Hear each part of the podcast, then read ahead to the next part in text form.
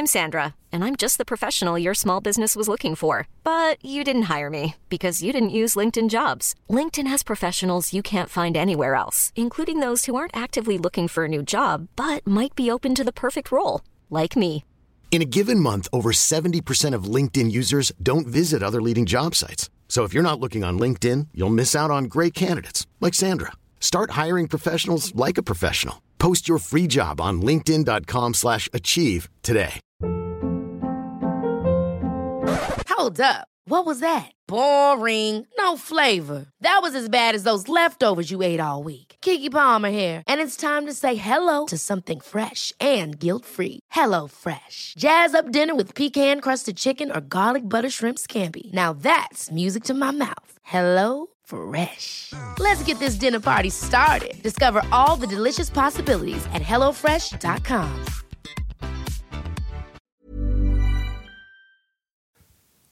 Nu har min herre sannoliken passerat gränsen. Att lemlästa krigshjältar, att förgifta flyktingar, det är en sak. Vi kan alla ha en dålig dag. Men att leka med nödbromsen? Ser han inte texten av som beivras? Det får vara hur mycket jävla jul det vill, men det här blir det rapport på. Om min herre inte har en mycket, mycket bra förklaring. Jag såg tomten.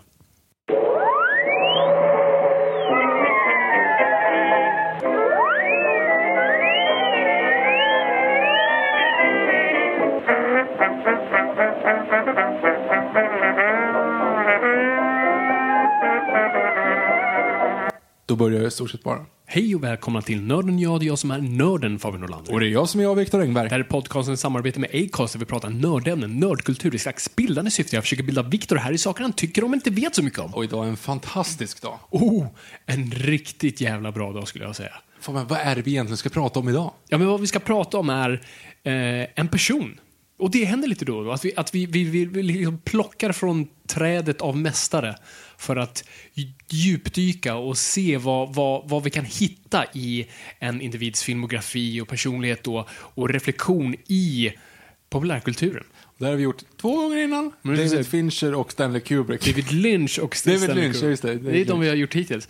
Så varför inte bara hoppa in i, nästa steg i den här hierarkin och dissekera Peter Dalle. Och ni som har varit med i podden ett tag, ni har ju förstått att det här är någonting vi har verkligen liksom försökt och sett fram emot och vi har verkligen försökt tjohornat in det här temat. Men nu har vi äntligen en ny Peter Dalle-film, så nu får vi prata till Peter Dalle. Yes. Ja, men, eh, precis som du säger, ni som har eh, lyssnat ett tag vet, vi båda, båda två här är stora Peter Dalle-fans.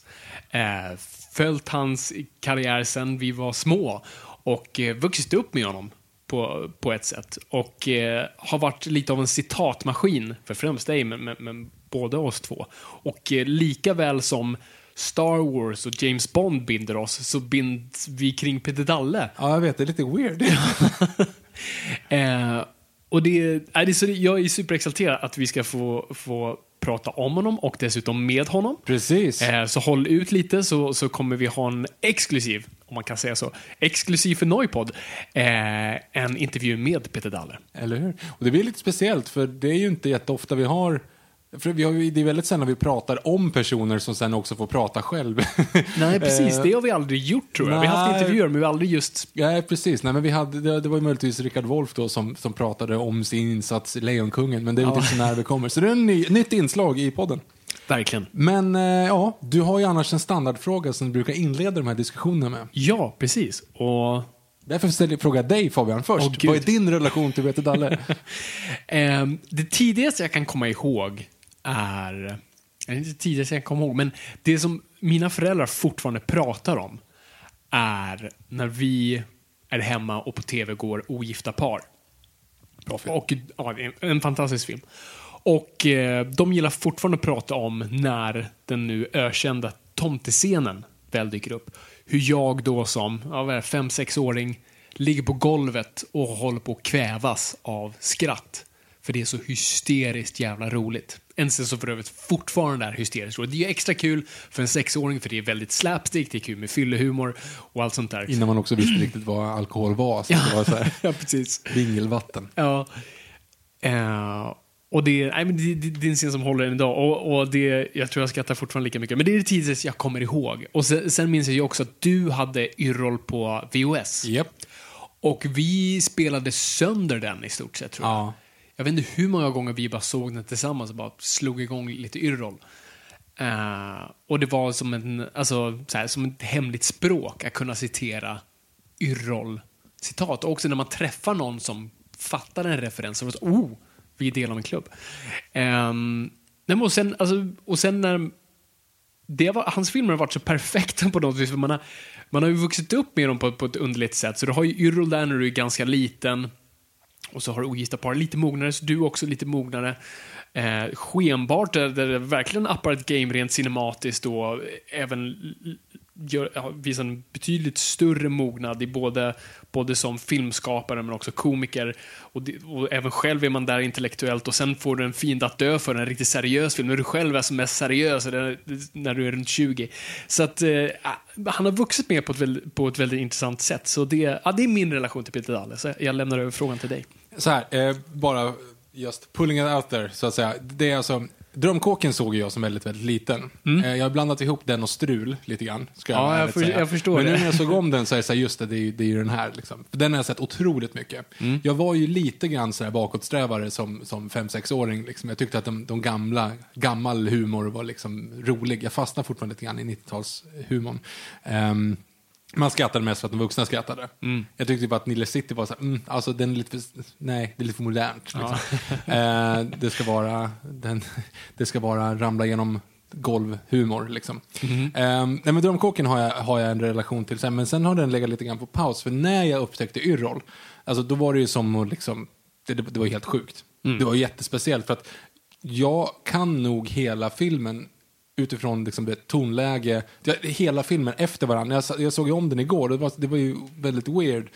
För att man, det är som att, jag vet inte, det är, man fattar inte att man ser om den utan man Nej. tänker, man ligger hela tiden en replik före. Det, det, det är så extremt konstigt att ha en sån relation till en film. Och jag inser det också, och det har vi sagt också massa gånger på den tidigare, alltså jag, jag pratar ju i yrrol. Alltså jag pratar i vanlig, många av mina uttryck i dagligt tal är yrrol- yrrol-citat. Ja, bland annat, eh, vi har ju lyssnare som, som försöker, eller som antingen listar ut eller försöker lista ut våra referenser. Och det finns ju en referens som har varit svårt för vissa, som fortfarande försökt att lista ut, och vi, vi pratar om det i några avsnitt bakåt, vad det var. Och det kom ju från Yrrol. Ja, det är ju, åh, vad heter han, lilla blonda, uppåt näsa, äh, skitsamma. Och den kan jag känna att, den använder jag i podden för att, men det är så här, haha, det är ett citat. Men jag använder ju vissa citat utan att jag märker det. Alltså i dagligt tal kan jag säga, jag tänkte inte på det. Alltså du vet, utan att ens veta, jag tänker inte på att det är någonting som är på väg att hända liksom. Eh, jag, jag förstår inte att det drar en referens när jag säger det, utan jag, det, det är så man säger. Ja, precis. Och, se, och ska man någon gång säga, ja men vad fan, så måste man säga det så Ja, klart. men vad fan! Ja. Alltid något i bakfickan. Nej, men du vet, det, det, det är en, en skadlig relation på det sättet och framförallt när man var lite yngre och inte riktigt fattat att det var inte helt socialt anpassat i vissa sammanhang. Eh, men, där också sen, jag såg Skenbart på bio och det är väl, nu måste jag, nu killgissar jag, men 2003, 2002, 2003? Ja, någonstans där. Någonstans, 2004 kanske. Eh, jag var ändå liksom mottaglig. Du vet precis när man börjar man, man börjar intressera sig för film ett snäpp till. Liksom. Nu, har man sett, nu har jag sett Sagan om ringen, nu vill jag ha någonting annat. Liksom. Och så blir den här, hela den här one location tänk Jag kommer verkligen ihåg så här, fy fan vad smart det är att ha en, en hel film på samma, samma ställe. Liksom. Ehm, Och det är då just man själv börjar bli intresserad av film då på ett man säger här, Jag vill också göra jag vill också göra det, jag göra vill också göra det. Och alltså, Skenbart är en av de, det är typ den och Borat som jag, som jag och min far har sett på bio och du vet verkligen så här skrattat, alltså in absurdum. Ja. Eh, då var det ju framförallt Robert Gustafsson, Ja, såklart, för självklart. att han är briljant i den. Men hela filmen är så perfekt komponerad, för att det är liksom en, det är en spännande och bra film som också är hejdlöst kul. Mm. Alltså, det är, den, den är rolig och seriös utan att på något sätt bli konstig. Alltså, till exempel, nu, vi kommer gå in mer på alla de här, Yes. alla de här självklart, men Gösta Ekmans monolog till exempel, som ligger, du vet, han, han börjar jätteglad när han minns tillbaka, så här nostalgiskt minns tillbaka på sina dagar i Stockholm och slutar i att han kanske inte alls hade roligt. Och man själv bara så ah, perspektiv förvrids, jag vet inte vad som händer. Så här, jag är 13 år, jag börjar, ja, ja, du vet så. Ehm, Så det var kul. Ehm, det var inte riktigt där jag började. Så jag hoppade lite grann för långt in, jag blir bara Ja, så exalterad. Vi- vi Nej, men kommer in här, på det. Det finns, det finns otroligt många re- referenser bakåt i tiden eh, till framförallt hans filmer. Och jag kan säga, här, jag visste ju typ inte ens att det var han som hade gjort Drömkåken. Nej, nu när jag tänkte tillbaka på det. Ja, liksom Uh, ja, nej, det finns mycket att prata om, men vi kommer in på det. Vi kommer in på det. Nej, men så här, om, om vi bara pratar om Peter Dalle som, som, och det är det vi kommer prata om här, vi kommer prata om honom som regissör. Så att han har ju en, eh, ett otroligt CV inom teatern och tv och, och, och som skådespelare själv. Eh, och allt det är superimponerande. Men vi vill specifikt, för att inte vara alltför spretiga, gå in på hans regi. Och det är det vi även kommer prata med honom om. Eh, och, och varför jag tror, gillar honom så mycket, han, är på något sätt en, en svensk Mel Brooks eller en svensk Charlie Chaplin i form av alltså, att ha komedi med hjärta och komedi med hjärna. Han, är all, han har aldrig varit en sån som bara plays it for the laughs, utan det måste alltid ligga någonting under skratten. Eh, och han bygger alltid in i mening i sina verk. Och, och det går jag igång på som, som, som själv då manusförfattare eh, och ett fan av humor, att det alltid finns någonting extra där. Och, och det jag gillar, alltså, jag tycker han är en autör. Alltså, han är en av de få, få svenska autörer vi har här. Och eh, jag tycker vi ska värdera honom mer som det. För att han faktiskt sätter sin stämpel på sina filmer och han har ett sånt brett spektrum på alla sina filmer. Och du sätter dem bredvid varandra är de väldigt olika, men de alla har, likt då en autör, en röd tråd som går igenom alla. Och jag kommer, jag kommer tjata till döds om den här röda tråden genom typ varenda film här. Um, och det, det är det som får mig igång som, som ett filmfan att eh, hela tiden komma tillbaka till honom, att när han kommer med en ny film så är jag nyfiken. Så, vad har han att säga nu?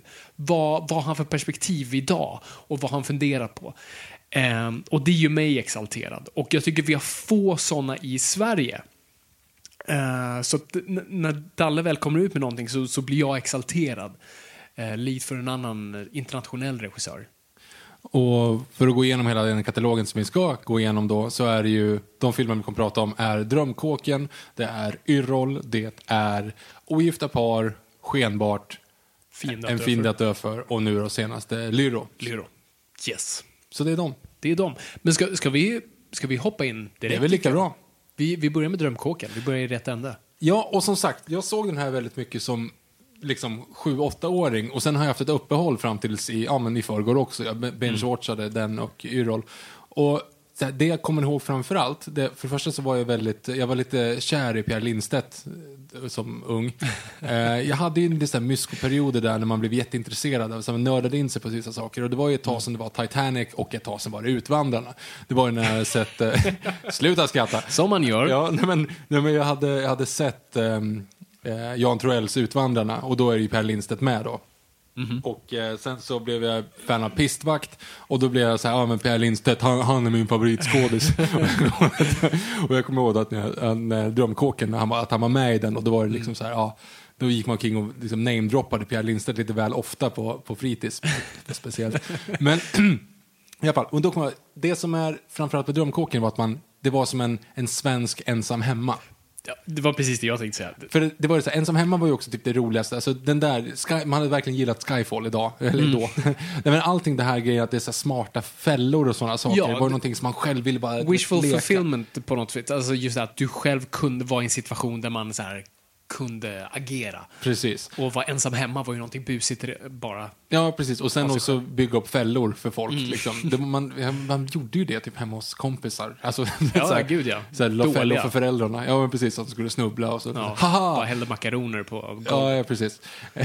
Nej, men i alla fall. Så det kommer att vara som en, en som wish fulfillment, som du säger, med, Mm. med just den- med Drömkåken. Och sen också att, att han bygger, allting känns så bra i Mm. filmen. Alltså, det är som att det finns hela tiden, allting är kul och det är som en komedi, men det finns den här undertonen av det här allvarliga. Mm. Sen tycker jag film, personligen att filmen chanserar lite grann när det väl blir allvarligt. men alltså just med den här eh, skurkarna och det. Men det Mm. handlar ju, det är ju det som driver filmen framåt. Men just det här att man kommer att man mådde så bra när de byggde om från de här gamla båtarna. Och så här, jag Ja, vill också precis. ha ett sånt hus, jag vill också ha allt det här.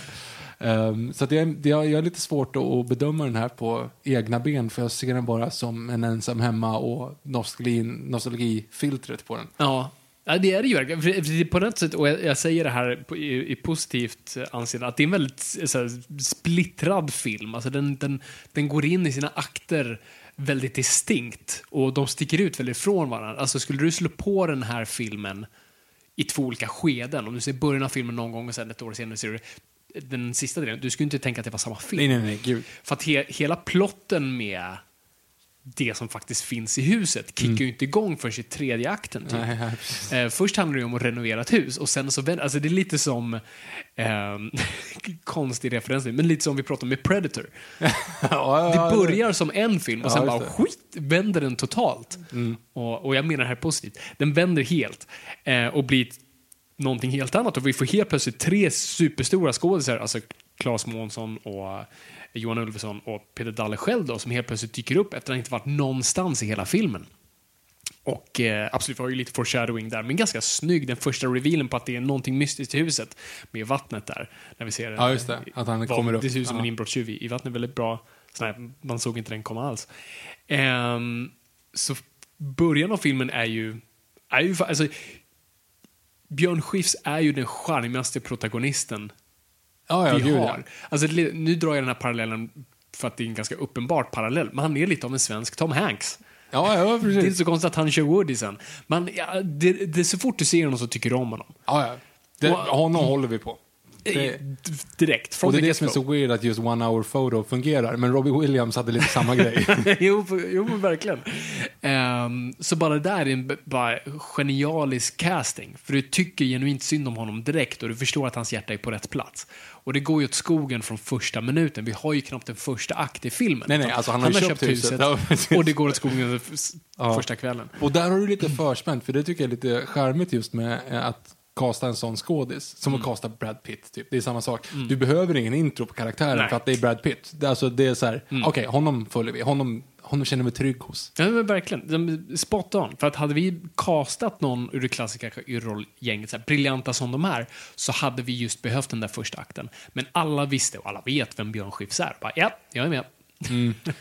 Ehm, nej, men så, det, det jag också tycker är så, eller ja, det, det som jag snubblar på nu är, vad jag tycker den bästa repliken i den filmen är när, det är inte den du tänker på. Nej, för jag vet ju vilken som är den bästa. Ja, jag vet. Men min favorit, som jag, för nu när jag såg om det, bara, som jag bara, åh gud vad bra det är. Och det är när byggarbetaren håller på och hela det där taket bara raserar. Mm. Och den enda kommentaren som fälls är en av byggarbetarna som säger Fy fan vad dyrt! Ja. Det är kul, Det är men det är jättekul. fortfarande inte lika roligt som, äh, du får sparken, vi behöver lite mer kvinnliga, kvinnlig touch på frågorna. Och första frågan är, vilken kvinna skrivit de roligaste böckerna? Det är fortfarande jätteroligt. Ja. Och den det är också en sån här tidig replik för mig, alltså när jag var typ 11-12, så att jag förstår att det där kan man ju inte ställa. Den frågan fungerar ju inte. Så det är också lite så väl nedärvt för mig, jag tycker att det är roligt. Men sen ska jag säga, så här, jag, jag vet liksom inte vad, om det var ett beställningsjobb eller om det var liksom ett passionsprojekt. Men det känns som att pengarna tog slut. alltså, nej men, eh, efter framförallt när man såg om det nu så måste man ärligt säga det. Alltså sista 20 minuterna så känns det som att de har ruschat det här. Liksom. Ja, de- Det är mycket klippt i Skifs ansikte som Ja. ser på saker som händer som vi inte ser. Jo men precis, när de, när de flyger ner i källaren allihop till exempel. Man var så här, ja kom igen. Eller när den här brännfacklan kommer på Rabeus häck. Ja, just det. Eh, och han börjar brinna och springer därifrån. Samtidigt Malmsjö också hoppar omkring som här ninjan där. Jag är så här, ja fast ni, ni klipper lite väl liksom. Mycket reaction shots. Ehm, så det känns som att de ruschade den. Men alltså som sagt, det är en, en charmig, charmig 90, svensk 90-tals Ja, humor. och, liksom. och alltså som barn att se den. Alltså för det, och jag säger det här också, superpositivt, det, det är en jättebra barnfilm. Ja, ja, men precis. Men jag, jag är levande exempel på det. Ja. Ja, men så, och jag, och så jag undrar hur det, den måste nog absolut spelat bra för, liksom, den var ju ämnad för alla när den kom troligtvis, men för barn nog sp- speciellt. Jag tycker också att det finns några små, alltså så här, självklart, men det finns några små grejer som jag också kommer ihåg nu som var så här, ah, fan det där är snyggt. Kommer du ihåg när han har målat, han, för eftersom han är ju, han vill ju bara göra bra för sin familj, det är Ja. hela hans grej. Och sen så har han målat sovrummet och det är inte citrongult, utan det är gult, det är inte citrongult. Eh, och och han, man förstår självklart inte att han inte visste om det, utan det var, inte, det var han råkade göra fel, liksom, fast han Ja. inte visste om det. Och sen när han bjuder in den här kvinnan då som bjuder in sig själv till honom och hon kommer upp på övervåningen, och kom, eller hon kommer ner från övervåningen och säger åh vilket fint, eh, vad fint rummet blev i citrongult, eller är citrongult. Så att vi ger så här, att han har, han försöker, han försöker Mm. Ja, göra ja, om det. Det precis. finns liksom detaljer där under. Verkligen. Eh, ja, det var väl inte jätte... En intressant foreshadowing, jag tänkte bara på, om sen till skenbart. Här har vi också en karaktär, vår huvudkaraktär, som gör illa sig. Samma hand dock, alltså det är alltid samma, samma punkt. Det är bara en intressant reflektion. Ja, som där. hela tiden blir värre och värre och värre. det blir bara värre och värre Ja. och varje gång, varje gång han slår sig så är det bara på den handen. Så den är ju helt ihoptejpad på slutet. Och vilken sjuk casting där. Alltså med Lena Nyman, Pia Lindstedt. Nej, Jan Malmsjö, Johan Rabaeus, alltså Mm. Susanne Reuter. Du dundrar ju på med alltså, alla cameos. Dan Ekborg, nej förlåt, den andra Ekborg. Jo, Daniel, nej, Daniel, vad heter han? Ta- Nej. Det, det, är, Den andra Ekborg. Ah, Peter, det är alla Ekborg. Knut, Hans, Anders Ekborg. Anders. Ekborg. Ja, eh, är ju också en av liksom, Ja. som bara dyker upp och försvinner. Liksom. Precis. Det är ju fantastisk casting. Den, alltså, den, den känns också väldigt, alltså, och det är här också Peter Dahl har en väldigt internationell flair. Jag tycker den här den har ju absolut mycket typiska svenska grejer, men har ju väldigt, den är väldigt bra i form av liksom, den spelar internationellt och jag tänker just i form av manusskrivande och sådär, för att du har ju, som man kallar the rule of three, den är väldigt bra på att etablera saker, alltså till exempel med häxan. Nu händer ju- nästan alla foreshadowings händer i tredje akten, men du har ju liksom häxan som först etableras, påminns igen i huset om att liksom, ja, det kanske är hon. Och sen då payoff med, förlåt nu glömmer jag, Lena Nyman. Lena Nyman. som då Det är en jätterolig karaktär för övrigt. Jättebra. Ja, Men det, alla de där små, och det, och det är det menar med lite internationellt och nästan amerikanskt, just de här grannarna med specifika personligheter. Så du har ju då den brittiska japanälskaren. och du har den galna grannen, eh, grannen som klär ut sig till massa olika nästan, karaktärer. Och du har han som hela tiden fixar på sin båt men aldrig åker ut. Som också är en sån här, de etablerade i tredje akten, att han aldrig varit på sjön förut. Eh, så det är li- lite intressant. Ja, men det, det, det är en spretig film, men till dess Ja, fördel. men som sagt, jag, tredje akten tycker jag att de hoppar hajen lite grann. Just att, att hon ska ringa Bettan och så varför slår hon numret 66666 till exempel. Alltså det, det är så här, ja, för att det stod i manuset. Alltså det blir lite, det blir lite så där, för att bomben sprängs om man ringer det numret. Jag måste säga att alltså, Ulveson är otroligt obehaglig i den där rollen. Jag tycker Ja. han gör det jättebra. Också en sån här riktigt underskattad skådis tycker jag. Eh, Eller underskattad, han är, han är uppenbart briljant och ingen, nog ingen som har något annat att säga. Men han spelar ju mycket komiska roller. Och här är ju också komisk roll, men det har en hint av någonting ondskefullt som jag tycker det funkar. Och det klassiska, en säger till en, en och den säger till en annan. Ja, just det. Precis. Du gör det. Du, ja, Three Stooges-grejen liksom. Verkligen. Ja, jag, jag vet, alltså det, det är som sagt, det är... ehm, det kanske är en produkt av sin tid lite grann också. Definitivt. Det är, det är verkligen en 90-talsfilm, men jag, jag, jag gillar att titta på den. Ja, det är underhållande. Men det är inte en sportmössa i närheten av att komma in på nästa. Eh, det är en av de... Ja, jag ska, det är den roligaste filmen, ja. Men frågan är om det är den bästa svenska film som gjorts. Alltså det, den och Tomten i till alla barnen slåss där uppe. Men jag ska säga så här, det kommer komma en film som jag nu insett att jag tycker är bättre efter den andra omtittning. Men Yrrol är liksom, det är på något sätt, det är svårt att bedöma hur bra den är för att den är en del av en själv. Absolut. Det- På, på ett mm. sätt som är, ja, alltså, jag drog farbror Bosse-skämt innan jag förstod dem. Alltså du vet, det liksom... ja, precis. Man visste inte vad det var. Så han Nej. bara såg rolig ut Ja. och liksom så här klubba. Men liksom så här, vad är det Ja, han gud. är? Ja, men, ja det, men så, det är ju också lite grann så här, man pratar om Robert Gustafsson, man drog ju Robert Gustafsson monologer utan att fatta Mm. vad, de, vad de betydde också. På tal om det, får jag bara avbryta det där. Robert Gustafsson dyker ju också upp i, Ja, just det, i Drömkåken. Ja, Drömkåken det. och gör sina klassiska Gustafsson Hostningar, hostningar, liksom. och Ja. Och det funkar, det är jättekul. Eh, ja, det är tjoordnat, men... Det är jättetjohornat, men det är en här kul detalj. Um, nej men, uh, jo men Robert Gustafsson till exempel. Jag vet, vi hade ju den här Ur löjlig synvinkel, hade ju på VHS, som Oh ja. du också hade. Och där citerar man ju otroligt mycket också så här på dagis, liksom.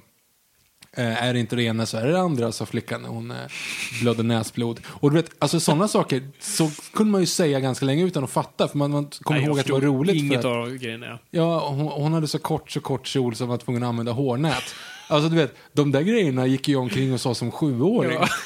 och jag förstod ju inte vad det betydde, men alla äldre som jag pratade med tittade på mig otroligt snett. Om de inte hade då så här, ja men åh, det är monologen från 2004, när jag, när, eller vad är det, från 1994 när Robert Gustafsson är på Skansen med Berit. Åh, kan du inte det här? Vet, det är inte många said no sjuåring ever.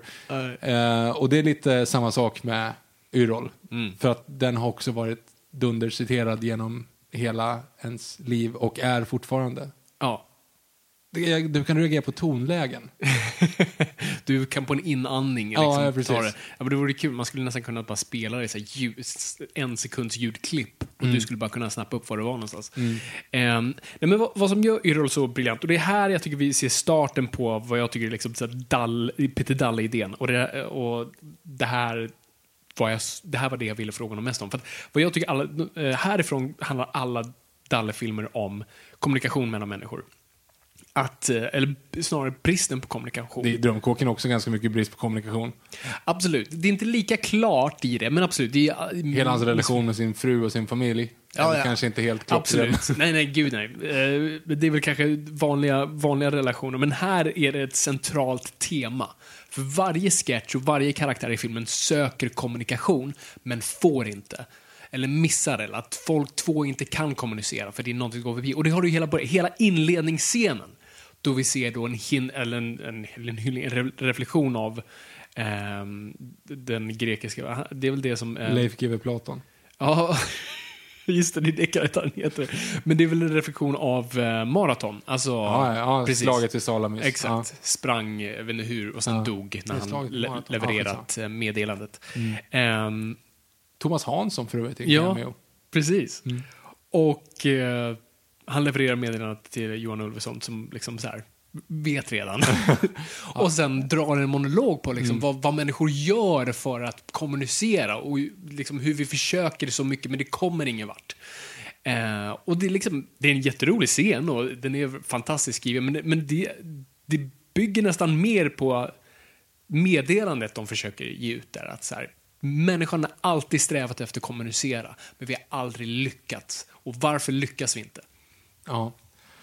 Och det är liksom startskottet på det hela. För sen klipper vi då till eh, Peter Dalle och Susanne Reuter eh, som det här paret då. De är helt bara missfirar, de två när de pratar med varandra. Det är ungefär som eh, eh, James Bond och Jinx i, i Die Ja, Another Day. exakt. Det är två helt olika dialoger. Ingen lyssnar på varandra, men här är det smart. Ja, precis. Det, det, det är meningen i det här läget.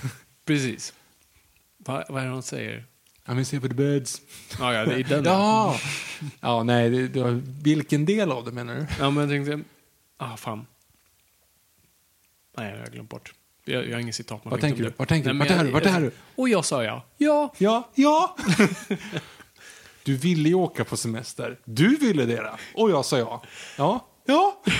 Jättebra. Och sen en av de bästa replikerna någonsin som jag också använder än idag. Blandat in mig i vårt förhållande. Ja.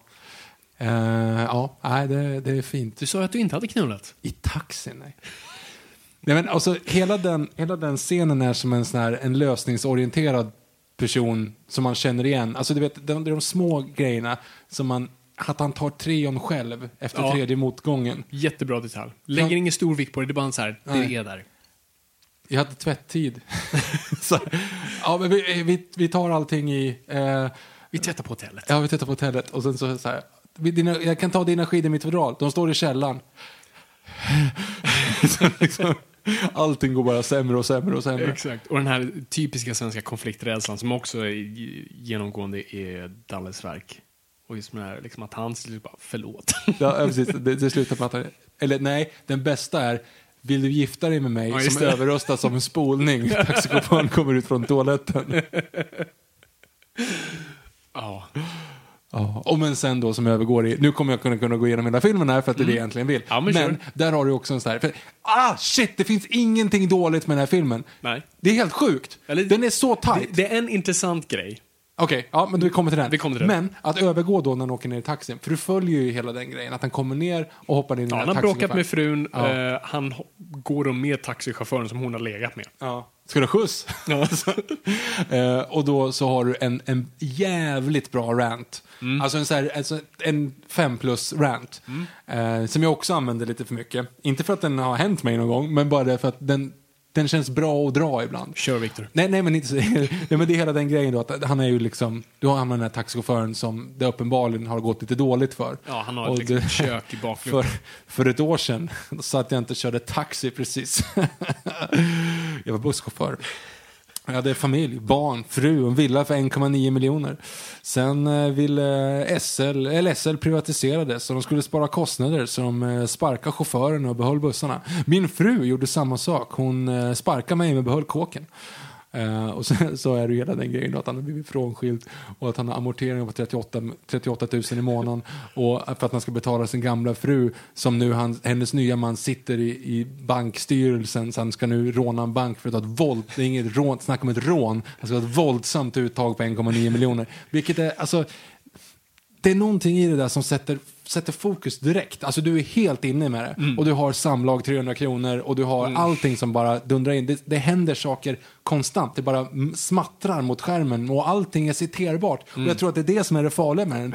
Allting är bra. Det är som att man gått igenom, det är inte liksom, det är inte draft 3. Mm. Det är draft 27 känns det som. För att allting, det finns inte en mening som är malplacerad. Nej. Allting är så, det är så, det är så konstigt bra nästan alltihop. Ja. Jag, jag, blir, jag blir förvirrad typ av att titta på den. Ja, nej, men den är så fan tight. Alltså hur, hur alla sketcher alltså, klipps ihop tycker jag är så bra. Trots att det, man, man ser absolut att de har använt nödlösningar ibland. Sådär. det är Som- meningen. Som. Yes, alltså, verkligen ingen kritik alls. Men, och, och det är det som håller ihop det. Att just det centrala temat med att vi söker kommunikation, men vi får aldrig. Och det är därför det funkar hela tiden. Och det är såklart, det är inte alla som tänker på det. Det är inte meningen att man ska tänka på det. Men undermedvetet är det varför det flyter för en. För annars hade det bara känts som så här, ja, jag känns som jag kollar på Lorry på TV, det är bara en sketch. Och de gångerna de bryter, då är det ju eh, reklam. Det är Ja. enda gångerna du är i stark, starka hopp, då är det att det slutar i en reklam. Ja, precis. Om ens det. Ja, alltså, eh, ibland jo, men- så är det som, som hela Claes Månsson-biten går ju oftast in och ut ganska smidigt. Jo men, ja men, det är med hela grejen, det övergår ju i när de kommer ut från, eh, från tunneln så är nya ringleden är ju i Schweiz istället, Ja, vilket är jätteweird. Och så blir det intervjun med den här snubben som är skittråkig, Mm. hon somnar, vaknar upp med samma färg på bakom ryggen så är ni på ett flygplan. Yes. Och flygplanet blir kapat. Up, shut up. Shut up, shut up, shut up. Ja, och de ringer ner till eh, tornet Mm. och då blir det så här Mayday, Mayday, SK 3471, calling Stockholm, Arlanda, Mayday, Mayday. Och Johan Ulveson som sitter nere i flygledartornet säger nej och halsar en Absolut Vodka. Och då blir det ju Absolut för män som kan sätta gränser. Ah, Och sen byter de till någonting annat så behöver du ingenting mer. Då är det så, okej, fine, där var, där var den slut. Då blir det så här reklampaus. Då kan de börja om på ny kula liksom. Ja. Och sen så länkar de allting genom det. Vilken, vilken är din favoritsketch i den? Nej, Men jag kan inte säga det, jag vet inte. Nej, för jag kan inte riktigt heller Jag sätta- tror att det är mansplaining innan mansplainingens var ett ord. Ja, just det. Alltså, c'est la vie.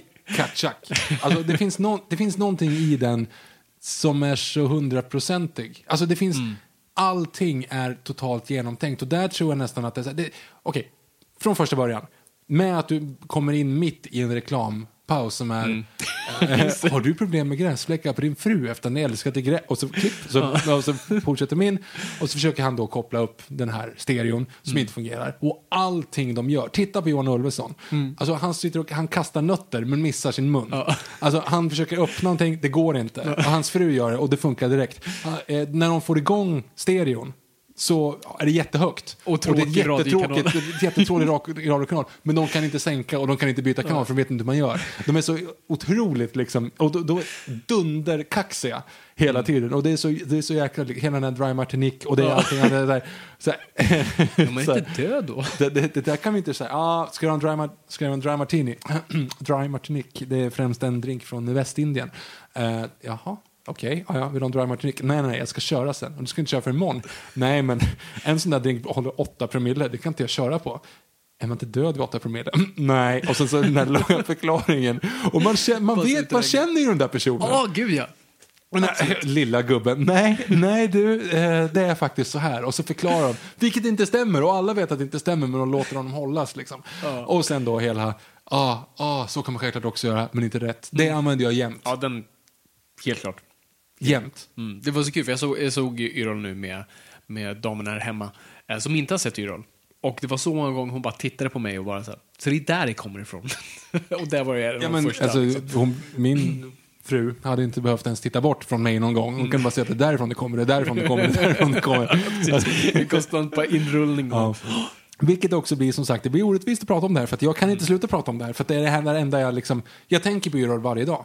Mm. Nej, Mer än en gång per dag kan jag säga. för att den sitter, ah, ja. Och sen vissa, vi- visst, vissa skämt kanske har åldrats konstigt, de kanske inte hade varit roliga idag. Alltså, så här, jag, jag vet inte vad jag hade gjort om jag sett den här filmen idag. Jag, det hade självklart inte slagit lika bra. Nej, men jag kan inte du kan inte ens reflektera på det, för den är så, den är så insydd i ens DNA nu. Ja, men det är ungefär som hade, vad hade, hade sett om vi sett om första Sagan om ringen idag. Mm. Ja, då hade vi tänkt att det var en kopia av alla andra eh, fantasyfilmer. Ja, alltså, nej, vet det, det går inte, du kan inte få in den, Nej. för det finns så mycket grejer efteråt i det. Uh, nej, den är, det är otroligt bra.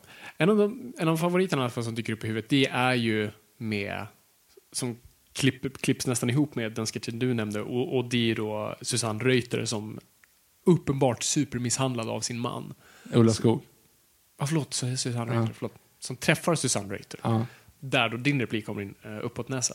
Eh, där hon liksom söker hjälp för att hennes man har Brist på slagit henne. kommunikation igen. Mm, precis. Alltså, och Susanne Reuter lyssnar ju inte, pratar bara om sina problem och hur jobbigt hon har det. Ja, snacka om problem alltså. Det är också otroligt ofta. Otroligt ofta. Och det är en sån otroligt mörk sketch Ja, för, gud, för dem när hemma. Bara, Åh herregud, för det är en grov sminkning. Alltså det är hemskt, det är någonting som händer väldigt många. Eh, men ändå, du skrattar inte. Och det här är också bra. Alltså, varje skämt som på något sätt på ytan ser ut att skratta åt en utsatt person är inte vad det handlar om. Utan det handlar om i kontexten där det är. Utan vi skrattar inte åt henne, vi skrattar åt Susanne Reuter. För det finns de här personerna. Vi har, samma sak där, vi har träffat dem som inte hör på vad han säger. Och alltid får det tillbaka till en själv. Och någonting som blir bara otroligt tri trivialt i, i, i en annan kontext. Så alltså det, det är en sketch jag vet i alla fall att jag oftast fortfarande bara Och den också som, och som egentligen inleds med att Åh, oh, oh, förlåt, jag stod här och här ser ut med, med mina armar och jag har långa överarmar. Min mamma har alltid sagt att är du ensam? Eh, nej, du, vänta, väninna, självklart, självklart, jag är så dum. Fan. ja, nej, det här, vi måste sluta nu för annars kommer jag fortsätta med, med bara sitta. Men så här, hela filmen, den, den ramas ju in av Theresias vision AB. Ja. Hela den där att han sitter och har en, en vision. Eh, och då är det ju så här att som du säger, att vadå, så du menar alltså att om flera tusen år så kommer fortfarande folk inte kunna prata med varandra och fortsätta försöka de försöker fortfarande liksom sträva efter kommunikation, men de kommer inte lösa det. Det är, liksom, det är kontentan, att nej, men det kommer aldrig lösas. Precis. Och den bästa kastningen av repliker är Men du hör ju inte. Du lyssnar ju inte. Men du hör ju inte. Men du lyssnar ju inte. Men du hör ju inte. Men du lyssnar inte. Och det är liksom, bara där också ramar in filmen perfekt. Ja. Och även sen med, med Peter Dalles då, karaktär från då eh, Lorry. Eh, upp, vad kallas han? Uppfinnaren? Han har Mm. Uppfinnaren, ja. mm, som kommer då med sin... Han hette du där, fick vi reda på Ja, i Lyro. precis. Um, så kommer sin sales pitch då. Mm. för att vi alla ska åka runt som små hamsterhjul med Ja, tack, tacka. tacka till alla. Vilket också är en sån bra grej. Och, det, och vad jag tyckte var intressant är att vi, det kommer nästan som en direkt koppling till Lyro. Men vi kommer tillbaka till det. Ja, okej. Vi kommer tillbaka till det. Ja, ja. Så, då hoppar vi vidare. några- Det gör vi, för vi måste göra det. vi måste göra det. Eh, det ju också lite så här, likt Kubrick här. Så, ja, nu ska vi inte gå för långt, men alltså, filmerna kommer väldigt brett isär. Eh, för att nu är vi väl på... Nu ska, nej, just det, det är ogifta par. Jag Ja, de, de går tight. De tre går ganska tight. De går ganska tajt, för jag tänkte att vi hoppade till skenbart nu, men nej, inte. nej, det är ogifta par. Som också är en briljant jävla film. Som på ytan ser ut att vara en vanlig romcom, parkomedi. Sådär. Men här, har jag, här pratar ju Peter Dalle om två saker. delvis kommunikation mellan män och kvinnor och eh, ett generationsskifte. Alltså Peter Dalle och Susanne Reuter och Ulvessons generation. Eh, alltså typ baby, post-babyboom-generationen. Som är uppvuxen efter kriget med andra värderingar och sen kommer in en modern värld där vi har börjat ifrågasätta gamla värderingar som hela 1800 och 1900-talet var uppbyggt på, som vi nu har börjat bryta ner. Alltså män och kvinnors roller. Eh, att det inte var det en gång var. Och, och det är de bitarna som Dalle jonglerar och gör det väldigt briljant då. Kretsat då kring, som man alltid ska göra, varje film borde göra, kretsa allting kring julen. Ja, men det är det bästa. Och jag vet inte varför jag inte har tänkt på det här förut, att det här är såklart en av de bästa julfilmerna som har gjorts. Ja, vi har ju faktiskt pratat om julfilmer här nu. Ja, och den, den dök inte upp tror jag. För jag tror den överskuggas, för när man tänker svensk så tänker man Tomten är far till alla barnen. Ja. Men Som den också är en här... helt fantastisk svensk film. Så Ja, det, det, gud ja. Nej, men eh, vi ska inte jämföra dem på så här, vilken är bäst, utan båda är briljanta på sina sätt. Och den här har ju, en, om de någonstans som rivalerar så är det, är det tomtescenen. Ja, ja, men det här är en bättre tomtescen än Ja, det är det definitivt. Barnen. Tomten far till barnen som är en perfekt film i övrigt, jag fallerar ju lite grann i Sara. Alltså den tyvärr, i- det har vi sagt förr, men Mm. det funkar inte. Ehm, så, så, så filmen... Så kan vi säga bara tomtescenen för ni som inte vet.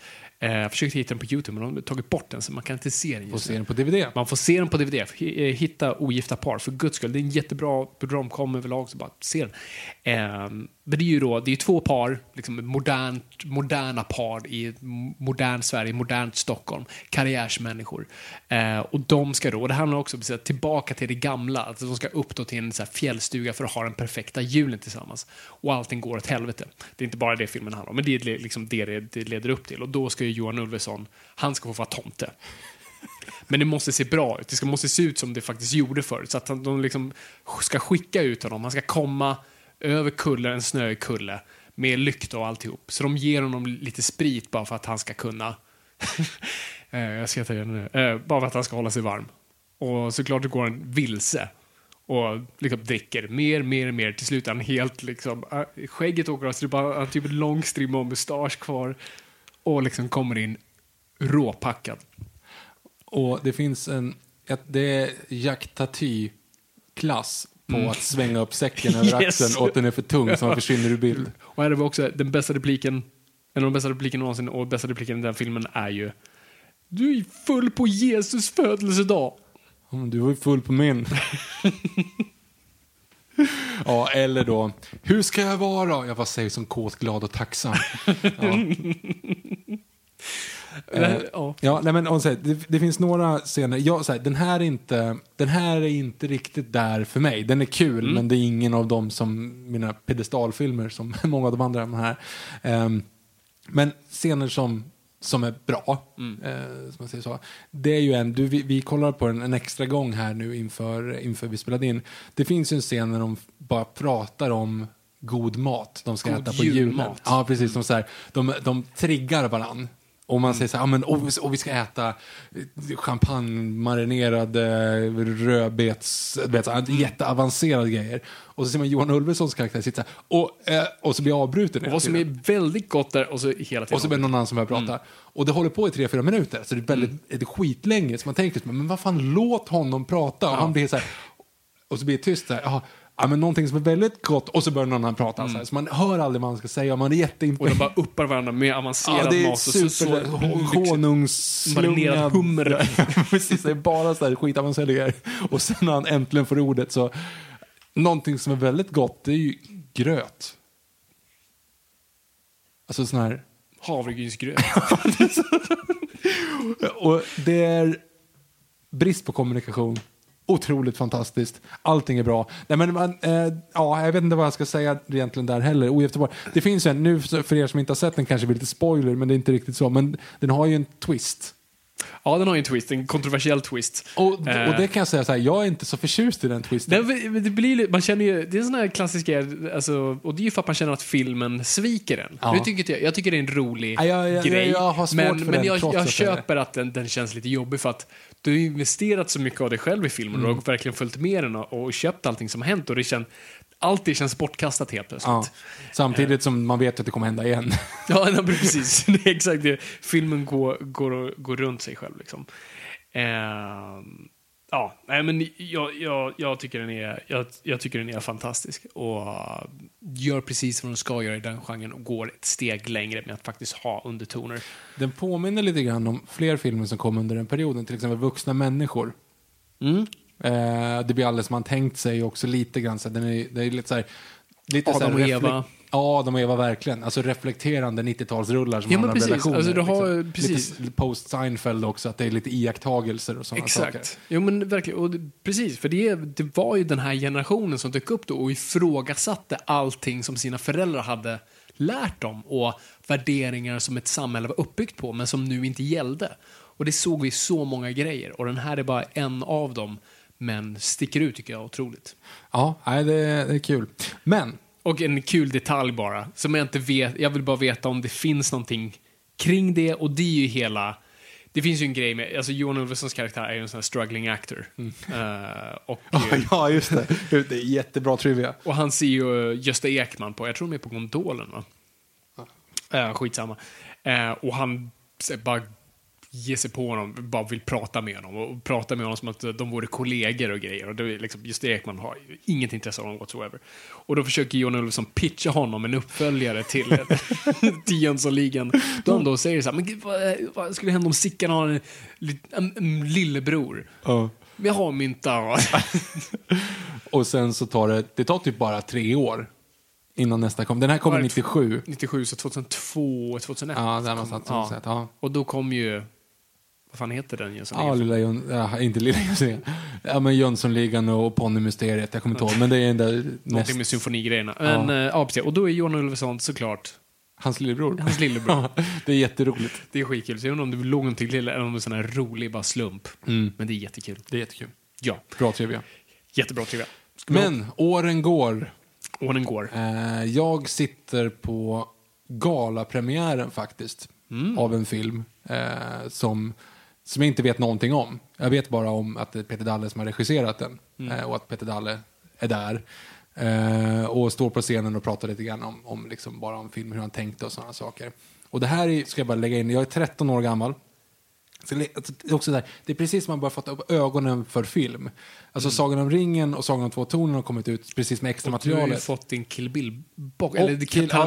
Tarantino-boxen. Så att det, är så här, det är precis rätt tid, tidsmässigt när man börjar kolla på behind the scenes-material. Ja. Och man kollar jättemycket behind the scenes-material. Och man var liksom så här, det, det var liksom, det här var det man skulle göra. Jag ska Mm. hålla på med film, jag blev bankman. uh, nej men så här, det, det här är typ det mest coolaste som finns i behind the scenes-grejer. Man, köp, man köpte DVD bara för typ, åh det här är den coola dokumentären behind the scenes. Mhm. Och så då får man en regissör på scen som ställer sig och pratar i en kvart, 20 minuter om hur det var att göra den här filmen. Jag visste att det var någonting jag ville göra på tåg. Liksom. Och att det är en one location. Och du vet, jag hade aldrig tänkt på att one location fanns. Det här är innan så. Inga jämförelser övrigt. Men du vet, så här, man tänkte, oh, fan det är helt sant. Man kan göra en film på ett ställe. Vad smart. Jag tror Phone Booth hade jag sett något, Ja, se något det år är- senare. Du vet, alltså, det, är så här, det, det, är någonting, det finns någonting så här, jag kan göra det här. Jag tror att det är jättemycket i den grejen. Att att projicera någonting i tanken att jag kan göra den. Så därför blir man ju helt tokig bara av det. Men sen då så blir det en svartvit film som bara utspelas på ett tåg. Och man tänker att det här kommer inte gå bra. Men så är man så underhållen. Alltså jag skrattade som en gnu. Alltså, och jag kommer ihåg en detalj som är helt ointressant är att eh, han tog upp Magnus Rosman på scen som då spelar en av skurkarna. Eh, och jag för mig att han säger, jag kommer inte ihåg om han sa typ så här Marcus Rosman eller något sånt där. Han bara, nej nej, alltså Magnus bara. Jag har typ känt dig i tio år, jag vet inte vad du heter. Det var en kul grej. I alla fall, eh, när vi kommer upp då på Skenbart, som är, den är inte svartvit, den är ju sepia, Sepia, mm. Men det är typ, jag vet att jag tänker det här oftare än vad jag säger. Mm. Men det här är nog den, typ den, en av bästa svenska filmerna som någonsin gjorts. Ja. Alltså, den är, den är hundraprocentig. Det finns, alla skämt är bra. All, allting är skitroligt. Det är så mycket foreshadowing i, i allt. Och det är liksom så här, återigen den här karaktären som bara försöker. Du, det är ju samma karaktär egentligen som i Drömkåken. alltså Gust- Gustav Hammarsten och, och Björn Skifs spelar samma person, typ. För att det är så här, ah, jag vill bara väl. Jag vill liksom, han vill ut en man, det är, det är ett krigshärjat Europa. Och han vill ner på kontinenten och bygga upp det nya Europa, vilket han sen får göra med. Men det finns liksom så här, allt han vill är att han pratar liksom också som en sån här drömmare. Han pratar lite grann som eh, Toulouse i Moulin Rouge. Alltså, du vet, är så här, det, det po, han pratar poetiskt, han pratar hela tiden. Ingen annan karaktär gör ju det egentligen. Nej. Det är bara han som ni- niar och är verkligen så här genomgående. Han är en riktig idealist. Ja, men, ja, precis. Och det enda han vill är att göra folk glada och ingenting fungerar. Nej. Och du har offer, offerfågeln, Robert Gustafsson karaktär och du har alltså stiff upper lip deluxe på Peter Dalles konduktör. Och sen har du den här mordplotten då, en, en, en eh, separat mordplott som bind, kittar ihop storyn. Mm. Men storyn i sig är liksom, det, det är sekundärt fast det är helt i fokus. Mm. Det är snorspännande, det är obehagligt.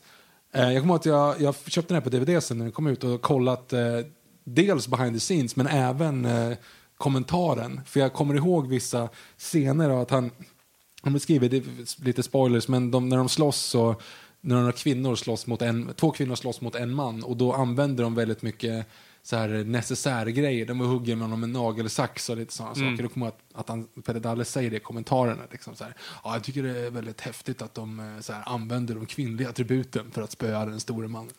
Ja, och sen så, alltså, det, jag vet inte vart jag är på väg nu. Jag slipper slopa mig ner i att bara sitta och hylla någonting. Men alla skådisar är effing fantastiska. Ja. Alltså Lena Nymans den här... Eh, Nunnan. och, och, nej, nej, nej, det är. Marie Göransson. Men Lena Nyman sitter ju i vagnen som hamnar i samma vagn som eh, det. frugan. Eh, och hela den här grejen med att det var trädgårdsmästaren. Alltså det, det, den använder jag också jättemycket utan att veta om det. Eh, du har Gösta Ekman i en av sina livsroller. Jag har aldrig sett honom bättre än så här. Det är hans, jag tror det är hans sista acting credit va? Det kan mycket väl vara. För jag tror inte att han gjorde att han någonting gick i efter. pension efter, Ja. Efter det. Och, den är, och så precis som jag nämnde lite grann i början, alltså hela den här monologen som går från att han nostalgiskt be- beskriver, för han har ju tillsammans med en annan man Mm. som är väldigt taskig. Liksom. Eller han är otroligt bitter. det är snarare det. Och Gösta Ekman är väl liksom ganska undergiven och, är så här, och ursäktar honom hela tiden. Mm. Och då så sitter han och pratar och filmen stannar upp. Men det känns rätt på Mm. något sätt. Det är väldigt mysko, för filmen är väldigt snabb i övrigt. Men i den här scenen är det så här, det är två personer som sitter och tittar på varandra väldigt länge och bara har den här monologen i typ så här sju, åtta minuter. Och man sitter bara så här helt framåtlutad med stora ögon och bara lyssnar på Gösta Ekman som pratar om hur roligt han hade det i Stockholm och nattklubbarna och vad roligt han hade det. Tills du bara inser att ja, men tänk om jag inte hade roligt. Tänk om mitt, min ålderdom har gjort att jag glorifierar min ungdom. Och du vet, det kanske inte var så roligt egentligen. Jag kanske bara, vet så här, och man sitter och jag kommer ihåg att det verkligen så här som, så här, det var typ första gången, så här, va, va, men vadå, va, det är någonting som, Öh, farsan, det är någonting som rinner här nerför kinden. Ah, ah! Så här, ja, men, alltså det var, det var väldigt, det träffade väldigt väl. Och det gör det i en film som är, är också en av de roligaste filmen och upplevelser man har haft. Den slår högt och lågt och ja, men den är hundraprocentig. Fan vad jag älskar skenbart. Ja, nej, det, gud, du bara säljer in den mer. Alltså, jag vet inte vad mer jag kan tillägga. Eh, Jättefint. Det är, för att dra en till då, Mel Brooks koppling. Man kan säga så här, jag brukar ju säga Blazing Saddles är den roligaste, men eh, Det vore för Frankenstein eh, är den bästa filmen. Och det är lite samma sak, Yrrol kanske är roligare. Ja, det, det, men det är verkligen så här, det är på håret. Men Skenbart är en betydligt bättre film. Och, och nu säger jag också att den är skitrolig. Precis. Alltså det är skämt på skämt på skämt och du skrattar hejdlöst. Ehm, här är ju Peter Dallas kanske... Mm, här dyker han ju verkligen upp som en här, genuin filmskapare med, med ett filmspråk och ett öga som är något otroligt hur han använder sig av miljöer och sånt där. Och här är vi ju ännu en gång tillbaks till kommunikation. Vi har en karaktär som hela tiden försöker kommunicera sin oskuld. I att det inte, han vill bara väl, men det, det kommer inte fram för hans handlingar skriker utöver det han känner. Han vill för mycket. Han vill för mycket och det bara går fel. Kommer du ihåg presentationen på honom? Det jag kommer ihåg, för det är det som är ganska kul, för det är också det är som bra foreshadowing. Och det är ju att han, han skriver sin sista rapport då. På, för han, han, En bokrecension. Ja, är det bokrecension eller att köpa in böcker? Jag kommer inte ihåg. Eller, Ja, jag, jag, Han recenserar det, böcker. det, han kanske... Jag, vet Jag kommer inte ihåg om han är här, in, om att han den, ja. liksom bedömer manuskript till ett bokförlag eller om han, om han recenserar böcker. Men han recenserar Pippi Långstrump. Och sågar den. så det här kommer inte funka. Möjligtvis kan man göra någonting bra av de där hyfsat begripliga karaktärerna Tommy och Annika, men annars är det liksom bara... Men det bästa med den foreshadowing är att Mm. han skriver ju hela den och sen så när han ska bara ställa sig upp råkar han spilla ut bläcket över hela alltihop. Ja. Så, det är så, ah, okej, så att han, han har fel och han gör fel. Precis, har allt det. Så du, precis, du får, får i dialog men också visuellt. Och bara där vet vi exakt vad filmen är på väg. Det Mm. är så briljant. Svensk film, lär er av det här. Gör mer sånt här. Och vi kommer komma in på en till sån exposition-scen. Lär er av det här snart, men inte än. Inte än. Ehm, så bara där, rent av briljant. Och perfekt castad och, och skådespelarna är perfekta i de karaktärerna. Karaktärerna vet du exakt vad de är och hur de förmedlar. Du förstår miljö, du förstår karaktär. Allting är så perfekt ihopklistrat. Och, det, och här också hur man ut, här, Det här är nog det bästa användandet av eh, Robert Gustafsson jag har sett, tror jag. Ja, Robert Gustafsson är Joey. är, nej, men han, men han är briljant, det är han. Alltså, han är ju vår Jacques Tati, han är vår Buster Keaton eller Charlie Chaplin, vad du nu än vill. Han är briljant, men därav också, han är ett specifikt verktyg, därav väldigt svår att använda. Eh, och ibland används han helt rätt, och, men oftast helt fel. Och det är svårt att sätta honom något. Man vill ju vara mer av honom, men vi vet inte vad vi kan sätta honom. Och här sätter du honom så perfekt, i en biroll, nummer ett. Det är det jag menar med Joey. Aha, okej. och du låter honom vara fysisk, men också bara otro, men också spegla den här personligheten av, som alltså egentligen är ett negativ till protagonisten.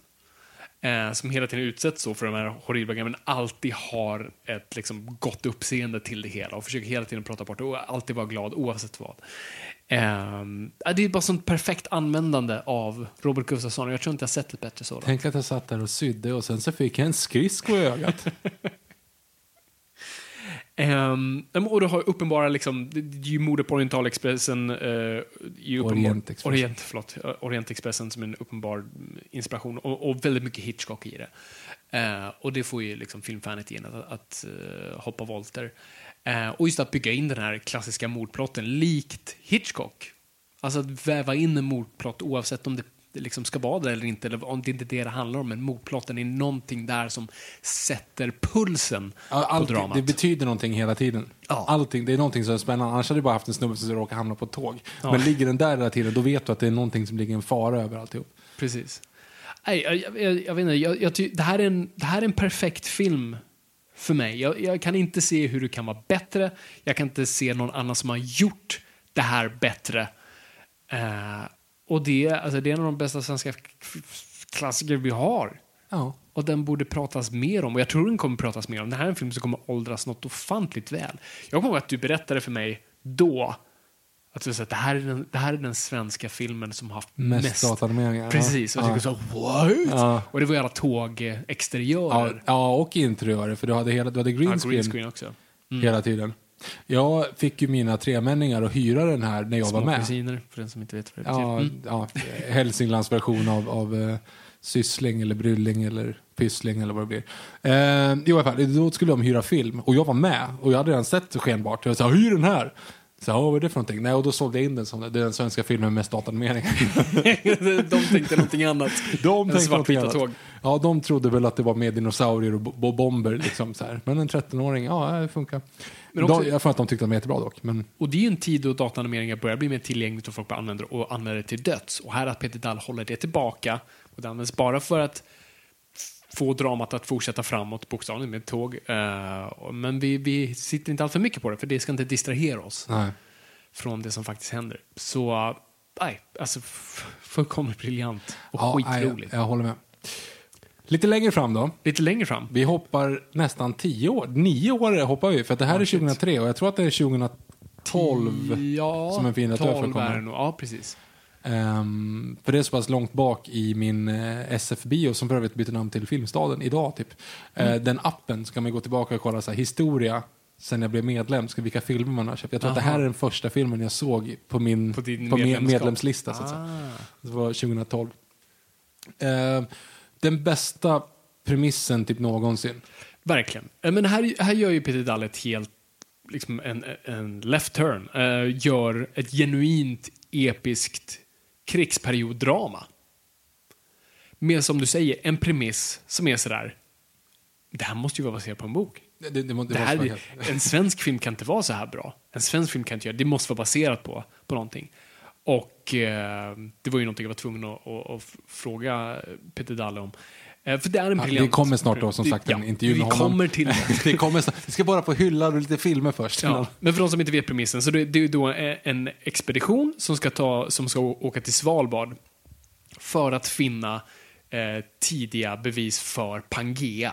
Alltså när alla kontinenter satt ihop. Teorin om att alla kontinenter har satt ihop, det är ju, de, all, nu är det en accepterad teori, men det fanns ju, typ- alltså, det är ju svårt att veta. Liksom, Ja, man nej, har ju bara absolut. beräknat det som det. Exakt. Ja. Men det är det de ska finna och då, då är det en, eh, det är en svensk båt eh, med svensk forskare med en norsk kapten eh, med britter, tyskar och ryss. Är ryssar med? Nej, inga då- ryssar kanske. Nej, den ryska kaptenen blir ju dödad. Ja, just det. Han, precis, det säger de i början.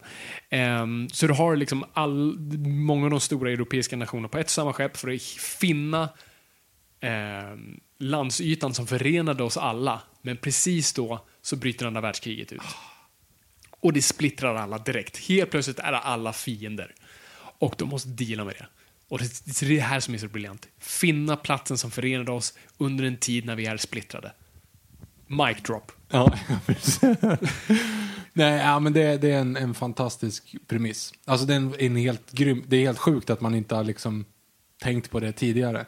Ja, nej, men jag, jag hade inte kunnat tänka på det tidigare. Nej. Det är för bra. Ja, Eh, och, och att- alltså att Peter Dalle tar på sig, alltså från att ha gjort en så här, så här, komedier i, i, alltså nu i och för sig, alltså Drömkåken är ganska avancerad rent praktiska effekter sådär, men, men så här, skenbart, one location, visst, green screen och datanimationer och yrroll, eh, sketch. Här går du till, alltså bland det svåraste du kan göra.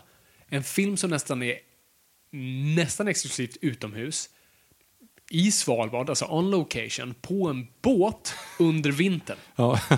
Medan det springer runt isbjörnar. det är visserligen i sommaren, under sommaren på Svalbard, men det betyder Okej. inte, behöver inte vara någonting. Det är snö. Så så här, jag, stickspår, jag har ju varit på Svalbard. Just det. Eh, jag var på Svalbard 2013, alltså ett år efter den här filmen kom ut. Mm. Och eh, då var jag där under juli månad. Och då var det alltså som absolut varmast. Det var den varmaste månaden på hela året. Mm. Då är det åtta grader i snitt. Så att eh, från och med mer eller mindre november fram till ja, men typ april så är det becksvart. Mm. Alltså, eller oktober kanske med. Alltså det, det, solen går aldrig upp utan det är becksvart uppe på Svalbard Mm. och då fryser ju allting. Så under sommaren det är då det är ljust och, och så, så att det måste vara under sommaren för annars hade det varit mörkt. Mm. eh, och stickspår eh, nummer två på Svalbard, då hade vi en norsk guide. Mm. Som, eh, som berättade då, ja men det har gjorts, eh, det har gjorts eh, två filmer om, om, eh, om Svalbard. Eller som spelas ut på, utspelas på Svalbard. En som inte är så bra och en som är jättebra. Och den bra, det är en norsk film om, och så började de prata om någon sån här jävla deckare typ. Och så sa han så här, den andra gjordes en svensk förra året och den var inte så bra. Och jag räckte upp handen så här, vänta lite här nu. och så förklarade det hela. Objection. Ja, objection, your honor. Nej, men, och då så här, men du, kom på en bättre premiss då. Och så bara, så, här, tänk dig om du har typ hela jordens konflikt, sätter alla på en båt, alla är glada och sen så bryter det ut och hur ska du reagera? Take that! Så han bara, ja, jo, det är sant. Så, eh, ja, jag tycker det. Så här, jag, jag kommer att verkligen gillade den och eh, gör det fortfarande. Men jag har lite samma grej då som jag har nu. Och det är ju att den tappar det lite grann i tredje akten för att det blir lite väl mycket. Jag förstår inte riktigt motivationen på skurken. Alltså du vet, det finns lite sådana saker som så här Ja, Okej, nu, nu tyvärr. Det byggdes upp så inåt helvete bra. Tre fjärdedelar är liksom snudd på femstjärnig premiss, fyrstjärnig eh, genomförande och sen så tappar det lite grann. Men det är en, det är en fyra fortfarande för mig. Liksom. Ja, nej men absolut. Jag kan lova, tredje, tredje akten är väl inte den starkaste, men jag, men jag tycker fortfarande det flyter helt klart. Eh, den, den, är otroligt, den är fantastiskt fotad. Eh, det, det är jätte, han har hittat en otroligt bra eh, vad ska man säga, internationell skådisensemble. Eh, och den är ofantligt välskriven. Ja, det, är det, som, det är ju det som lyfter det bästa. Alltså. Och som du var inne på där, en, ja, ta, över där. Du är ju manusfattare så du borde ju ta det här. Men eh, för er, ni där ute som ibland ser filmer som Venom, jättebra exempel. Venom är en film som inte kan expo exposition överhuvudtaget. Lyssna på vår recension av Venom. Alltså, då är det ju så här, du kommer, du kommer in och så är det, alla berättar om... Hej Eddie Brock, du är journalist och vi plockar in dig för att du var dålig på det här, men nu är du jätteduktig och du är gift med den här personen, eller du är förlovad. Eller hur? Visst är det så? Ja, men jag mår så här och jag känner så och si och så. Alla går in och förklarar saker. Ja. Ungefär som Mark Kermods recension av Da Vinci-koden. Ja. Det är ingen så här, de, de, de pratar inte som personer pratar på riktigt. För Folk går in i gång- rum och pekar på saker och. Eller som Solo, Solo Star Wars Story. du vet när de kommer in, så här, ja, hej min snubbe, du vill ju ut till Pilot och eh, du, har fångat en sån här. Ja, en sån där, den kan ta dig av ut, härifrån ut i galaxen för du kan betala. Alltså, så här, Men sluta prata om allting, jag tror inte på er. Och så jämför man då med inledningsscenen i En fiend att dö för. Som inleder på, eller ja, den scenen som jag tänker i alla fall, det är ju då att en kvinna som går förbi ett skyltfönster så ser hon att en rysk kapten är uppäten av isbjörn. Och så kommer hon in på, om det geologiska institutet eller vad det är, han jobbar, vår main huvudkaraktär. Och eh, då bara säger hon så här, ja jag hörde att eh, er kapten har blivit, eller för det första så kommer hon in och så fastnar hon i isbjörnsfälla. Liksom det är så här, okej, fine, vi är inne i det. Och han säger, nej, nej, men passa det där, det är en isbjörnsfälla. Så man fattar, okej, det är där ett, då vet vi vart de är på väg. Och så säger hon så här, "Ja, jag hörde att er kapten har dött. Ja, eller hur? Min ryska kapten har dött. Ja, men då blir det en norrman istället. En norrman? Ja, så nu kommer det vara norrmän, det kommer vara hutter, det kommer vara hur mycket folk som helst. Det är så här, okej, vi har satt upp allting på tre, Ja, tre och meningar. gör det snyggt. Han drar det på ett sätt som inte är liksom bla bla bla bla bla, bla utan han pratar som det är ett skämt. Gud, ja, så här, Ja. gud vad Det så weird att det är liksom så många nationaliteter.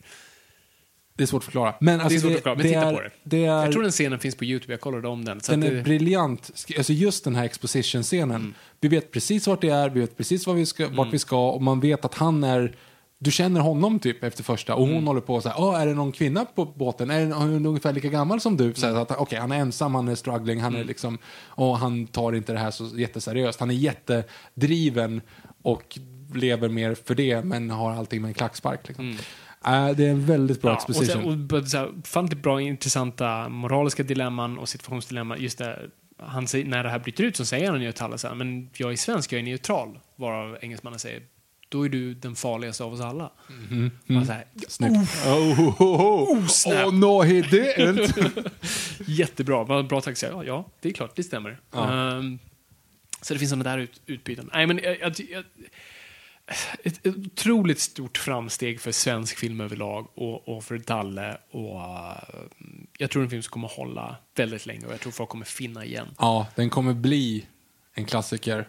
Mm. Om den inte, den inte, jag har inte sett så mycket buzz om den och jag får att den inte spelade så bra när den Jag kommer inte gick ihåg. upp. Jag gick och såg den på bio eh, med min far. eh, och vi var Säg att jag tipsade om den. Gjorde jag det? Jag kommer inte ihåg. Eller var det jag? Ja, jag kommer inte ihåg. Eller? Jag tror jag mest bara var ett fan av Mm. Dalle och så här, jag vill se så här, gud vad, vad weird att han gör en sån här film. Det här vill, måste jag se. Um, och att det görs så sällan såna här filmer. Alltså num nummer ett bara alltså periodrullar. Ehm, men också bara, för jag kan tycka många, när det väl görs periodgrejer i, i Sverige så är det oftast bara en, ett skynke för att göra någonting väldigt generiskt. När man väl tittar på plott och så här karaktärer så bara, men det här är ju bara så vilken eh, såpopera som helst. Du kan bara att du har satt dem med snygga kläder. Du kan sluta basha studentfester nu Fabian. Vi vet att du inte...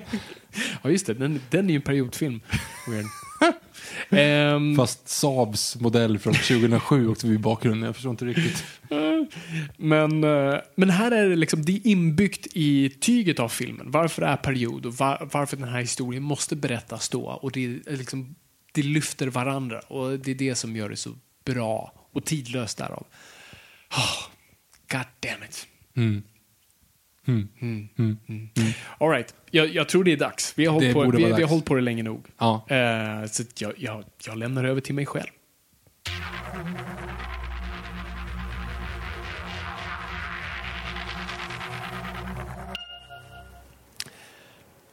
Och då är vi ärade att ha Peter Dalle med oss här. Ja, tack. Som nu är eh, ute med sin nya film Lyro. Mm. Hur, hur tycker du om sådana här eh, pressevent? Är, är det hektiskt eller är det bara kul att prata om filmen?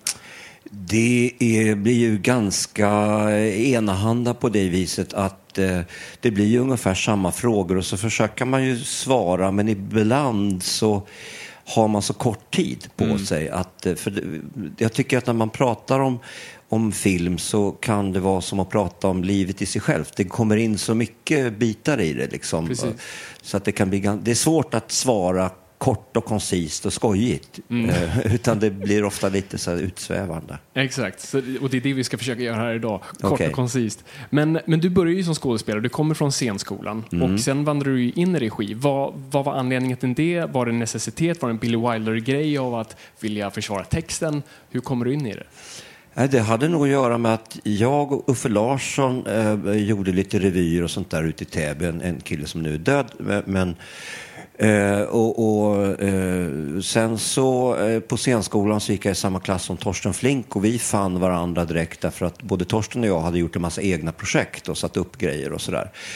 Eh, och efter scenskolan så blev jag anställd på Stadsteatern och Torsten på Turteatern. Och, eh, eh, men så var det väldigt tråkigt på Stadsteatern. Så jag sa upp mig efter ett halvår för jag fick jobb in på en privatteater i en musikal. Och då pratade jag och Torsten om att vi, vi hade liksom inte så gott om jobb så vi sa vi, vi sätter upp en fars, Spökhotellet av Georges Feydeau. Så vi hyrde en teater och satte oss i skuld för 600 000 spänn. Och då regisserade jag för att jag var, nog, hade liksom gjort det lite på skolan och jag, jag har eh, den förmågan. Alltså det, det finns jättebra skådespelare som har svårt att se sig själva utifrån men jag har rätt bra koll på vad som händer i, i scenrummet. Och det, det, utan att vara bättre skådespelare, men alltså det, det, det där är ganska olika. En del skådespelare är helt omedvetna om vad de gör, liksom, och det är inte jag. Och i och med det, och den blev en bra succé faktiskt, så att efter det så fick jag regierbjudanden. Okej. att, men jag både skriver och regisserar och spelar och för mig är det lite samma andas barn. Alltså det, om, om, om, eh, om författaren skriver en, en, en nervös person så kanske regissören säger att då kan du röka för det kan visa den här nervositeten. Och om det är en komiker som gör den här rollen så ser han till att han har astma men är så nervös att han måste röka ändå. Men man kan tänka sig att författaren skulle skriva att det här är en nervös eh, storrökande astmatiker. Så att det sitter liksom ihop det där. Ja, precis. Eh, jag har en fråga om, om specifikt Yrrol, eh, s- som jag tycker fortfarande håller upp idag och det är en fantastiskt rolig film. Men, men, och, och det som är så bra är att den är, den är så välstrukturerad tycker jag. Och jag bara undrar hur man skriver sketchfilm. För att Börjar man med de här små fragmenten av idéer till sketcher eller börjar man med, temat och bygger utifrån det? Hur fungerar det? Vi skrev sketcher, för jag skrev den tillsammans med Roffe Börjlind. Så att vi hade, fanns ingen handling eller någonting sånt där. Utan eh, vi hade en, en, ett gäng sketcher och sen så eh, tyckte jag att vi, jag och Roffe åkte ut till något ställe och eh, satt en helg och så sa jag att jag tycker vi, har, vi måste ha flera grejer som bara är fåniga. Vi har lite för mycket berättande saker. Och då så hittade jag på den här sketchen där de ska köpa en present till direktören och att vi skulle ha några eh, vad heter det, frälsningssoldater som, som skrek när de inte sjöng vackert och sådär. Bara för att det är fånigt. Det Ja. berättar liksom ingenting. Eh, men sen satte jag ihop det där som regissör och då hittade jag liksom på sätt, eh, Yrrol sitter inte ihop för fem jävla öre, men, men då gjorde jag så att en, en, en rollkaraktär från nästa sketch som ska komma kommer in och frågar efter någon och sen går han vidare och då kommer vi till nästa sketch. Och, Eller till slut tog jag bara en tennisboll som vi kastade omkring i Stockholm så att den fick liksom leda eh, handlingen till en annan location eller sådär. Eh, Så den är liksom hopsatt efteråt. Så är det inte med den här. Den här började med att jag skrev ett gäng sketcher om saker som jag tycker är aktuella idag. Och sen fick jag de här Josef och Maria som då går igenom hela filmen och som, som man kommer tillbaka till. Så, och Claes och Susanne. Liksom. Så att man hade två par och resten är ju då fristående. Ja. Ehm, jag vill komma till ogifta par. eh, som, som är också en otrolig... Det, det är som en fantastisk tidsbubbla, men samtidigt så tidlös. Och jag tycker den visar så mycket vad den, er generation upplevde relationer och förväntningar. Hur tycker du själv den filmen håller upp idag? Alltså just också när det kommer till könsroller och, och allt annat. Tror, tycker du den håller upp? För jag tycker det. Det vet det skulle jag tro. Jag har inte sett den. Eh, Jag såg faktiskt en liten snutt på tv eh, häromdagen. De sänder den. Den går ju ibland. Jag tittar inte på mina gamla filmer eller Laurie-program eller något sånt där. Eh, Men eh, de där grälen som vi har, jag, Lena och Susanne och Johan, det tror jag är allmänmänskligt och evigt. Alltså jag tror att det har sett likadant ut sedan Shakespeares tid. Ja. Liksom. Det, det tror jag inte är så stor skillnad. Nej. Jag tror Ingmar Bergmans eh, scener ett äktenskap har ju gått i, i repris nu och de, de kan man ju känna igen. Ja. Och, och, och, och, eh, han kunde ju vara väldigt, väldigt eh, hänsynslös, eh, Ingmar Bergman. Och, den bygger ju på att han, han skrev den här för att han, han, han hade en fru som väntade barn och så hade han blivit förälskad i en annan kvinna och då åker han hem till den här gravida kvinnan och säger att nu är det slut för jag har träffat en annan. Och han, han berättade att, att eh, han sa jag var helt iskall när jag gjorde det. Helt iskall. Och jag vet, jag har ju förstått efteråt att det är en förjävlig sak att göra. Men, men då tänkte inte jag på någon annan än mig själv. Ja. Men det är ovanligt. De flesta av oss drivs, är ju väldigt skulddrivna i relationer. Ja. Jag är väldigt rädd för att såra människor och sådär och, och, och i nära relationer. Mm. Och det, det passar ju väldigt bra, det fungerar ju väldigt bra in i filmen, just det här svenska sättet av att inte kliva folk på tårna och sånt där. Ja. Ehm, jag vill bara komma till, till, till, till kärnan av vad jag vill veta. Och det, är två, så det är två egentligen ganska korta som jag, Mm. vi skulle kunna prata mer om. Men eh, En fiende att dö för. En film jag tycker jättemycket om. Vad Var kom, roligt. var kom den idén ifrån? För det är en sån fantastisk premiss. Och jag, jag vet inte vad det, det Jo, det, det var så här, eh, eh, ska jag göra det lite kort, och det var att jag av en anledning hamnade uppe på Svalbard. Eh, och eh, bara för att titta på djur och sådär. Och då när vi kom till en liten stad som hette Ny-Ålesund så eh, berättar de att allting brändes ner, nämligen under andra världskriget. Eh, men, eh, och då fanns det ett hotell i Ny-Ålesund och det öppnades eh, samma dag som andra världskriget startade. Så när de stod där och skålade och invigde hotellet så kom de springande och sa Tyskland har gått in i Polen, andra världskriget har startat. Och, eh, så då stängdes hotellet ner och sen öppnades det inte förrän 1955. Men det var klart 39, den 30 september. Eh, och då hade vi varit ute på ett eh, ryskt sån här forskningsfartyg i 14 dagar och det finns inga människor på Svalbard så att man hade inte träffat någon. Och då började jag tänka så här, om man skulle göra en film, tänk om man skulle ta upp människor här och sätta dem på ett fartyg isolerade från olika länder eh, och så börjar det krigas. Och då är det ju så att då skulle man kunna säga att vi struntar i det här, vi stänger av radion. Men så är du engelsman eller tysk och du har dina släktingar där hemma. Och, och vad är man då lojal emot? Och så tänkte jag forskare som forskar och så tänkte jag Pangea eftersom det samlar hela världen. Då, och, sådär. och så tänkte jag då slår vi sönder det och så tar vi just andra världskriget för det är den mest tydliga konflikten med de elaka nazisterna och de goda allierade. Och så såg det naturligtvis inte ut. Liksom. Eh, Så enkelt var det ju inte. Nej. Och, och så tyckte jag det var intressant att samla dem på ett fartyg. Ja, Det är briljant. Jag, jag, tänkte, det här jag, jag såg det med min far då och vi sa att det här måste vara från en bok eller någonting. Det här är, här är helt nej. fantastiskt, särskilt för en, för en svensk film. Och det sista jag vill bara komma till, det här är någonting som jag funderar på med alla dina filmer. Och det är frågan om kommunikation.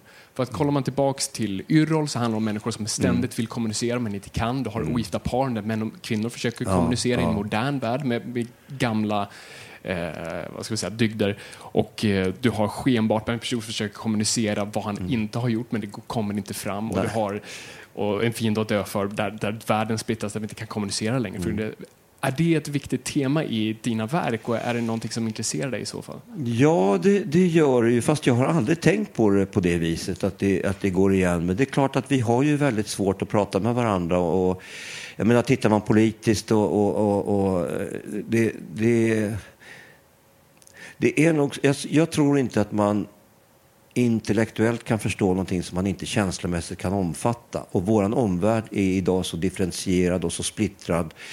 Dels med, med migration men också med internet och det kommer influenser från hela, hela tiden från hela världen. Alltså, så att vi får inte ihop det. Och då söker vi oss till enkla lösningar. Precis som man gjorde på 30-talet i Nazityskland, som, eller som blev Nazityskland.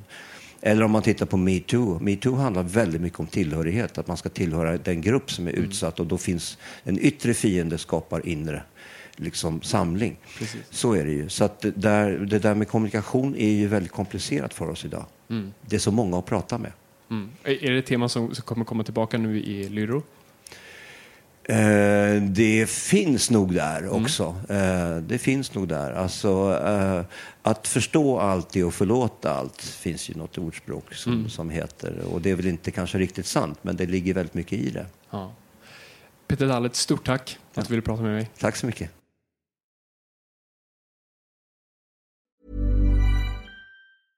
Selling a little or a lot? Shopify helps you do your thing however you cha-ching. Shopify is the global commerce platform that helps you sell at every stage of your business. From the launch your online shop stage to the first real life store stage, all the way to the did we just hit a million orders stage. Shopify is there to help you grow. Shopify helps you turn browsers into buyers with the internet's best converting checkout. 36% better on average compared to other leading commerce platforms because businesses that grow grow with Shopify. Get a $1 per month trial period at shopify.com/work. shopify.com/work. Hold up. What was that? Boring. No flavor. That was as bad as those leftovers you ate all week. Kiki Palmer here, and it's time to say hello to something fresh and guilt-free. Hello Fresh. Jazz up dinner with pecan-crusted chicken or garlic butter shrimp scampi. Now that's music to my mouth. Hello Fresh. Let's get this dinner party started. Discover all the delicious possibilities at hellofresh.com. Millions of people have lost weight with personalized plans from Noom, like Evan, who can't stand salads and still lost 50 pounds. Salads, generally, for most people, are the easy button, right? For me, that wasn't an option. I never really was a salad guy. That's just not who I am. But Noom worked for me. Get your personalized plan today at Noom.com. Real Noom user compensated to provide their story. In four weeks, the typical Noom user can expect to lose one to two pounds per week. Individual results may vary.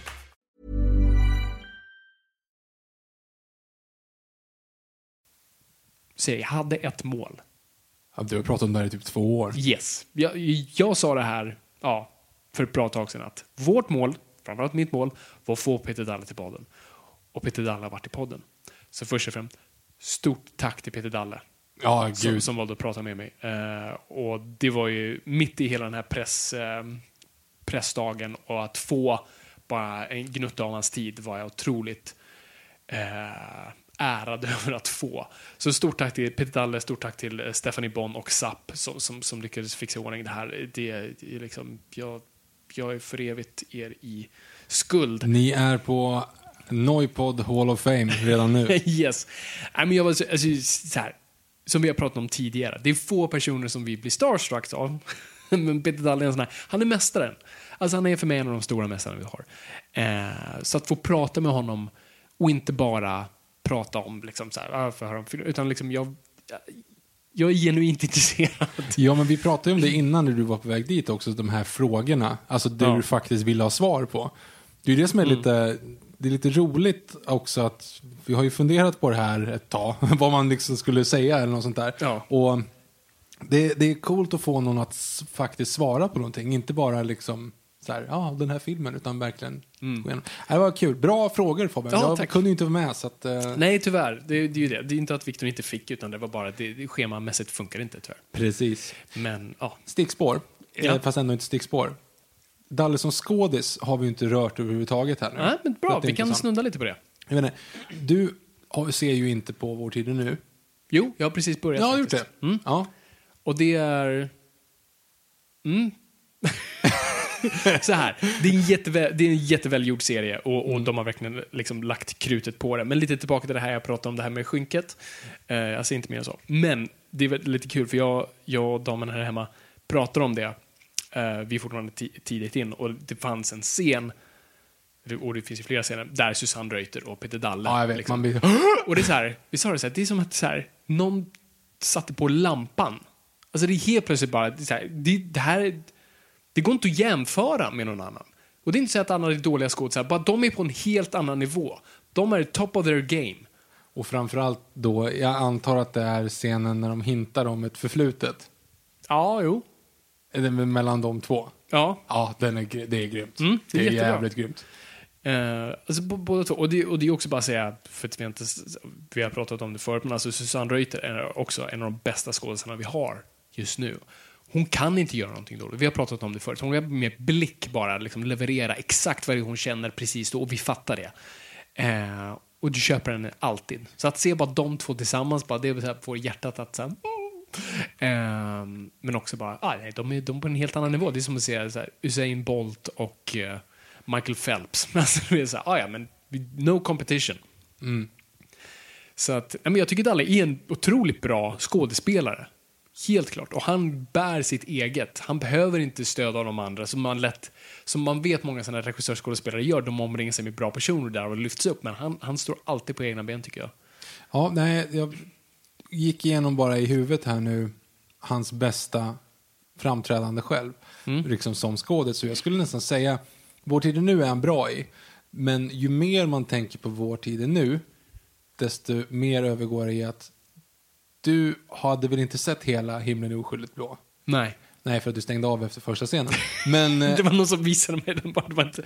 men, men där är det, finns en scen där, jag vill inte spoila den heller, men det finns en scen när en person har saker tejpad på sig. Och den, det utbytet mellan den personen och Dalle, alltså det är åter, vi har ju pratat väldigt mycket om de här sakerna som, vad är det vi går igång på? En karaktärshandling som vi går igång på. Det är Dalton i Living Daylights när han, håller, när han lyfter pistolen mot tinningen och håller på och liksom tror att han ska bli avslöjad. Ja. Det är I'm Batman i Batman Returns. Nej, Batman Forever. eh, Med Val Kilmer där på cirkusen. Det finns en sån scen med Dalle. Och man bara så här, yes! Yes! Alltså den är så snygg. Och man verkligen så här, det var lite samma sak där. Vad är det som händer med mina kinder? Nej, alltså det, den är riktigt, riktigt, riktigt bra. Och där har vi liksom den och, eh, ska säga så här, reaktionsmässigt skådespelar, skådespelar eh, hundraprocentigt, nu vet jag inte, det är inget ord. Men det finns två sådana som sticker ut. Det är den och det är Sven-Bertil Taubes reaktion i eh, den som heter Girl with Dragon Tattoo på engelska men som heter Män som hatar kvinnor på svenska. Vet, Harriet, den. Alltså jag får gåshud av att bara tänka på den. De två är liksom, det är på piedestalen av reaktionsskådespel som man inte vet vart man ska ta vägen. Daniel Craig i förhöret i Skyfall. Ja. Alltså svenskt. Jaha, förlåt. Okej. Och där, Christopher Plummer är inte alls lika bra för övrigt i Girl with Dragon Tattoo. Ja, Okej. Ja. Fine. Fine. Alltså, Taube. Fine. Who? Who? Ja, visst. ja, men det, det fint stickspår. Ja. Men okej. Så nu är Peter Dalle ute med en ny film. Mhm. På något vis, man kan inte kalla det trilogi på ett sätt. Alltså, om man kallar f- serien för, för första delen så var ju rollen andra, det här är den tredje delen. Eh, och det är ju liksom i det, kan man säga, jag kan inte säga universumet. Men det, är- det är del av det. Vi ser vissa återkommande karaktärer och, och sånt där. Två. Två, ja. Ja, tre, men två är i samma sketch. Samma sketch. Vilken då, tänkte du på? Sundbybergaren och Patentverket är ju Ja. en. Och sen så är det Flygvärdinnan. Ja. Flygvärdinnan. Det var de två. Det kanske är- är de två. Ja. Ehm, så nu har vi Lyrro. Så det är alltså, hur många år är det nu? Det är 20, 24. 24 år. Ehm, och en grej jag reagerade på väldigt snabbt var... det, här, är alltså, det är nästan som en direkt uppföljare till Yrrol. För de sista replikerna som vi sa i Yrrol är Men du lyssnar ju inte. Du hör ju inte. Men du lyssnar ju Men inte. du hör ju inte. Men du lyssnar Men inte. du hör inte. Och det plockar Peter Dalle upp igen. Ehm, nu från att filmer där vi pratar om att vi är splittrade, att vi inte liksom, kan kommunicera, att det är svårt att nå fram till varandra, eh, att vi pratar över varandra, har vi nu kommit till en värld där vi inte pratar alls. Där på grund av social media, på grund av eh, så här, bubblor och eh, så här, debatter internt mellan människor som bara håller med. Eh, där vi lever i, i en värld där vi bara går runt, likt då som uppfinnarna pratar om, vi går runt i våra egna små hamsterhjul. Och i bästa fall bara tackar någon via en lapp. Liksom. Men att vi, i, ingen, vi bryr oss inte ens om att lyssna på varandra längre. För vi är helt fokuserade på oss själva, om vad vi själva babblar om. Vi bryr oss inte om någon annan hör det. För vi är bara här för att rättfärdiga oss själva och ingen annan. Eh, och det, är liksom, den kanske mest uppenbara, där har vi då, vi har ju eh, Nour El Refai. By the way, ska vi säga lite spoilervarning här nu? Så att Spoilervarning för er som ni Ja. verkligen säger, jag vill verkligen se, stäng av nu, gå och se eh, Lorry, den är på biografer just nu. Yrro, äh, förlåt. Sorry, du sa Lorry, men jag sa Yrrol. Men vad heter den? Lyro? Lyro. Gå och se Lyro, den är på bio just nu, så spring till biograferna. Ehm, men så det här är spoiler talk. Men så det finns då två karaktärer, så då Nour El Refai och eh, Henrik Dorsin. De är gifta, men Henrik Dorsin har typ sovit i flera år. Ah, han gifte sig med en väldigt ung kvinna som han inte orkade med, så han har sovit i åtta år. Han har sovit i åtta år och de ska åka på en romantisk resa tillsammans. Så han, han sover ju, han är inte ens vid medvetande. Och eh, hon liksom leder det här förhållandet och har en, liksom en, en assistent med sig. Ehm, och hon, ja, så där har ju det. Hon pratar helt förbi honom, han är, liksom, han är inte ens vid medvetande, men hon går igenom det här förhållandet då som att de vore, går på romantiska middagar. Han friar till henne på något konstigt sätt. Ja, men det var ju assistenten som hade Ja, jo, men precis. Och sådär. Så att, och så där har vi så bra praktexempel på att vi är helt borta. Och det tar han ju upp via och det här också bara att Peter Dalle vågar göra de här grejerna i, i, i och så ofantligt typ bara i beundran av att han, han rör på de här grejerna som är vi är ju ett väldigt tabubelagt land. Det finns saker du pratar om, det finns saker du inte pratar om. Och nu lägger jag ingen värdering i, i, i de här sakerna, men det är bara så det är. Så han tar ju upp frågor om invandring, han tar upp, upp frågor om, det är inte riktigt metoo, men i stort sett. Eh, könsfrågor, om eh, identitetspolitik och eh, rasism och allt annat. Så riktigt tabubelagda frågor. Och det som är så bra med honom är att han aldrig han lägger ingen värdering i frågorna, han lägger värdering i individerna som tar upp frågorna. Och det är det han gör så pass briljant och det är det han alltid varit så bra på. Att han inte bara står, som också många filmer gör, bara står och viftar flaggor och säger det här är bra eller det här är dåligt. Utan han bara tar upp det, kollar på hur löjligt det här är och sen är det upp till dig att skratta eller inte. Eh, men det utgår alltid från karaktärer. Och det är det jag tycker är så fascinerande med den här filmen och, och välkonstruerat. Ehm, så jag var så glad att se eh, att de här temana kom upp igen. Och nu vet det, som sagt, som, som alla kontextuell analys, det behöver inte vara medvetet från regissören, men det finns där. Eh, och jag var bara glad att se att så, här, han fortsätter med det. Och det är kul att se vi behöver honom och vi behöver det i modern värld, särskilt nu när vi alla går runt i våra hamsterhjul. Och han, han utforskar det. Och det, det, det tyckte jag var fantastiskt. Ja, ehm, så här, det är jättesvårt att se en sån här film. Gud ja. Eftersom Yrrol är eh, religion och skenbart är en sexplussare. Liksom. Ehm, så det är svårt att ta in en sån här film efter att ha sett den första gången. Ehm, och jag har också samma sak nu när jag såg om Yrrol med min fru som inte har sett den, alltså har sett den någon gång för väldigt länge sedan. Så var det svårt att se den med någon nya, ny persons ögon. Mm, samma här. Nej men alltså, let's face it. Du hade aldrig gjort Cosby-scenen idag. Cosby-linen. Cosby-linen hade inte gjorts idag. Nej, och man bara så här får reaktioner, bara, vad är det här? Så här nej men det var 90-talet liksom. Och på något sätt får man väl även se, jag vet inte om det var liksom, det här är ju en väldigt modern film på det sättet. För de här frågorna kanske inte är jätteaktuella Nej. om 24 år. Alltså det vill säga när Yrrol, när är lika gammal som Yrrol är nu. Så att det ska bli väldigt intressant att se hur den här fungerar. Om det här blir som en tidskapsel, som ogifta par är för oss nu, kanske den här blir för oss om 24 år. Ehm, för att det, är det, det är det som kommer ihåg hur det var. Det var så här. Men nu är det som ungefär som att Ja, jag är mitt i det, jag vet. Alltså det blir väldigt mysko liksom. Och ehm, hur man nu ska dra liksom, hur man ska dra allting till 11. Och jag ska säga så här, jag, eh, jag tyckte att det var, jag, jag vet inte vad jag ska säga om jag tycker att den är liksom, att den är bra eller inte.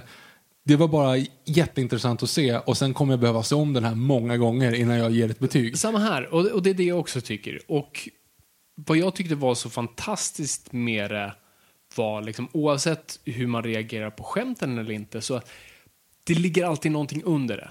Och det, Ja, ja, gud, och det är ja. det jag uppskattar med, med Dalle ännu en gång. Det här är inte, jag ska inte nämna andra komedier, men alltså, så många komedier som bara är där for the laughs och bara för slapsticken och bara liksom för att bara leverera humorn. Men det känns tomt.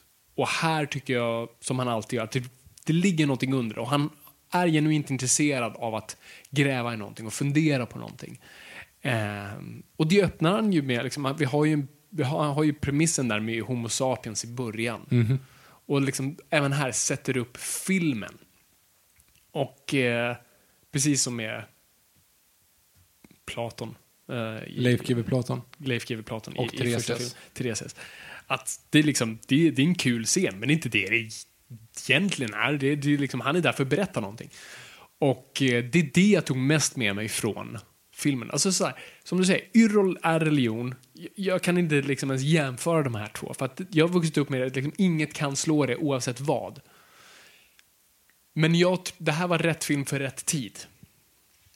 Och eh, jag, jag är glad att den finns.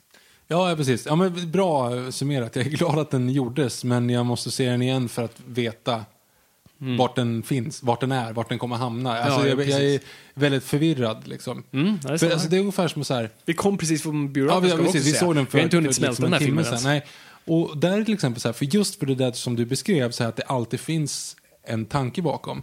Alltså jämför det här med Taget i luften, En gång i Phuket. Mhm. En av de minst roliga filmerna jag sett, ungefär. eh, skämten där är att, eller hur, hur historieberättandet kring en sån film och komik är att Peter Magnusson sitter på en strand och pratar med hon, Jenny Skavlan. Och sen så är det en man som jonglerar med eld i bakgrunden. Och sen när scenen är slut, då tappar den här mannen pinnen med eld så att den landar på deras bord. Och, Pe- och Peter Magnusson säger, ja men vad fan. Och sen en inzoomning på den här mannen som höll på med elden som skrattade och gjorde tummen upp. Det är ett skämt. Det är ett skämt i den filmen. Det är så här, vi har pratat för mycket, vi måste lägga in ett skämt. Vad ska vi göra? Jag vet inte, låt honom tappa den där bakgrunden. Vet, det händer ingenting, det betyder ingenting, det händer ingenting, det är ingenting. Och sen så jämför man det med den här som liksom allting, det finns, det vill säga, ja, eh, det här är en referens till att folk gör så här. Det, här är en det finns liksom någonting, tanken bakom det. Vilket gör att det jag tänkte på som var egentligen apart, det är Henrik Dorsins rasistkaraktärs agerande när han inte kan öppna en ölburk. Då är det som att du nästan slår för långt.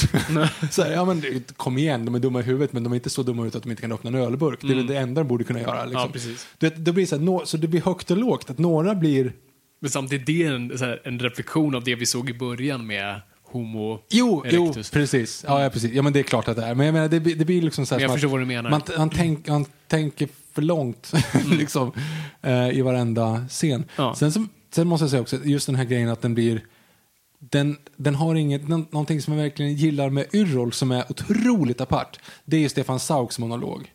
Just det, för det, precis, vi, vi glömde den. Ehm, för vi, vi bara får kära att vi skulle prata om den här lilla konstiga grejen i det. Mm. För jag kommer ihåg när vi var små så spolade jag alltid över den. Vi bara fattar den inte. Mhm. Nej.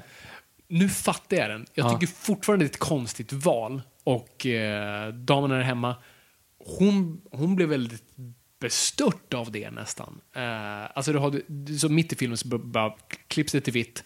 Du har Stefan Sauk som sitter och äter kräftor och presenterar sig själv som cancer. Och håller en monolog som att han är sjukdomen cancer och berättar om hur han eh, påverkar människor. Och hur, då det, hur de då i sig eh, påverkar livet. Och det är liksom, det är sån här, wow, det är en jättecool monolog som så skulle kunna höra hemma på en Dramaten-scen, vet. Men det är så här, det sticker ut väldigt weird i rollen. Ja, jo, jo. När du Men har- det är en foreshadowing tänkte jag säga. Det är ju en, en återspegling mot eh, Lorry-gänget. För då stack han också in och gjorde sådana liksom, ensamma monologer. Ja. Oftast mer energifyllt än, än den där. Men, men det är ju en sån. Men det jag glömde bort när jag såg, jag såg den här, så här men, gud det finns några scener som är direkt mörka. Som inte, Ja, liksom. Det är inte roligt mörkt utan det är bara mörkt. Mörkt, ja. Och då säger men det här är ju jätteapart. Bara, ja fast just det, det gör de faktiskt i Yrrol också. Bara att man glömmer bort. Man glömmer bort Stefan Sauk. ja. Men då, då liksom du bara trattar ner all seriositet i den Stefan Sauk-sticket så att du Ja, glömmer exakt. bort att det, det finns liksom inget annat. Men den är ju asgrov, men ungefär som när Claes Månsson och Susanne Reuter mot slutet sitter och gråter. ja. Från att ha varit en väldigt rolig scen blev det supertragiskt. Man bara, Va? Vad är det som händer? Precis. Ska jag känna någonting nu? Jag vet inte vad jag gör. Det liksom. blir jättejobbigt. Och, och det här är också en kul också ur ett autörsperspektiv. Just det så här, alltså, vi ser ju också här en, en, en person som, som blir äldre. Eh, och han tar ju upp mycket av sina rädslor här. uppenbart. He- Alltså det, är, det är full frontal eh, känslor, googla inte. Ehm, och eh, bara det tycker jag är otroligt modigt, att ha de grejerna. Eh, sen tillbaka till det du sa med, med piket och sånt där. Och, jättebra poäng. Och, och det är en sak jag vill säga till alla unga manusfattare där ute. Gör vad Peter Dalle gör och inte vad andra oftast gör. För vad, många, vad mycket svensk komedi gör är att bygga humor och alltihop utifrån situation. Vilket är fel. En situation är en person som snubblar på bananskal. Det är inte kul. I bästa fall är det kul. Sådär. Det, är liksom, det kommer och gick. Vad Dalle alltid gör, och vad de bästa komikerna oftast gör, Robert Gustafsson också, det är att det alltid kommer från karaktär. Du bygger komedi från karaktär, aldrig situation. Situationen är där bara för att det är lite som alltså, eh, oljan i motorn. Liksom. Men bensinen är karaktären. Det är det som egentligen driver det hela. Robert Gustafssons militär som försöker ta sig igenom en svängdörr Mm. med en skål mat, jättevarm soppa och sin krycka. Exakt. Och det hade inte varit kul om du inte hade haft hans då karaktär i det och det han pratar om där och då. Att hela tiden se det så positivt. Hoppsan, där kom kryckan. Oj då, men ska jag gå... Det. Den bästa komedin byggs alltid utifrån karaktär. Uh, och då menar jag inte att du behöver ha, liksom, kollar man på Chaplin-filmer, det är inte som att han har så här treaktstruktur och allt sånt där, men, men du förstår karaktären väldigt snabbt. Uh, och det är superviktigt. Och det, det är ju Dalle även här. Det byggs alltid utifrån karaktär, aldrig från situation. Superviktigt. Take note. Take note. Mm. Alla är också grymma i den, skulle jag bara säga. Verkligen. Alltså, jag var, alltså, nummer, alltså, så här, Susanne Reuter, alltid bra. Och hon är skitbra här också. Och hon spelar de här olika karaktärerna. Och alltifrån liksom, den här uppblåsta, pompösa, liksom, tant, liksom, äldre personen som försöker göra sig ung hela tiden. Eh, samtidigt som spelar den här allergiförbundspersonen. Alltså, det är två helt olika karaktärer och gör det fabulöst. Det är Claes Månsson är tillbaka. Allt är supermysigt och allt är jättebra. Eh, och jag måste säga, även de, de nya tillskotten. Hen- Henrik Thorsin är alltid bra. Alltså det, är så här, det är självklart. Han är underbar. Men sen, de nya, alltså Nour El Refai, som är en otroligt skicklig komiker, var jag otroligt positivt överraskad över hennes skådespelande. Eh, skitbra. Jag tänkte så här, fan, mer, mer av henne. Jag tror inte, har jag sett henne i någon film ens? Har hon varit i? Det kanske, ja, hon har varit i så här sketch-komedi-grejer. Så här, sö, vad fan heter den? Söder om... Ja, hon har gjort lite komediserier. Juicebaren eller vad? Nej, inte, ja, hon kanske var med i den också. Men hon har gjort, eh, hon har gjort skådespelare. Okej, ja. Nej, men jag tror inte jag sett henne i en film. Nej. Har jag gjort det? Nej. Det, jag tror inte det. Så mycket på tv i så fall. Hon är jättebra. Mm. Alla var jättebra. Björn Gustafsson, eh, är det någon mer jag missar? Ja, ehm, eh, på stickspår, Nour El Refai har faktiskt klappat Ove. Ove är alltså Viktors ödla. Ja, just det. Ja. Faktiska ödla. Ja. Skäggagam. Mm. Ja. Berätta. Eh, åkte tåg till Örebro en gång. Mm. Och så hade jag Ove med mig. För att det var kallt, så hade han innanför jackan.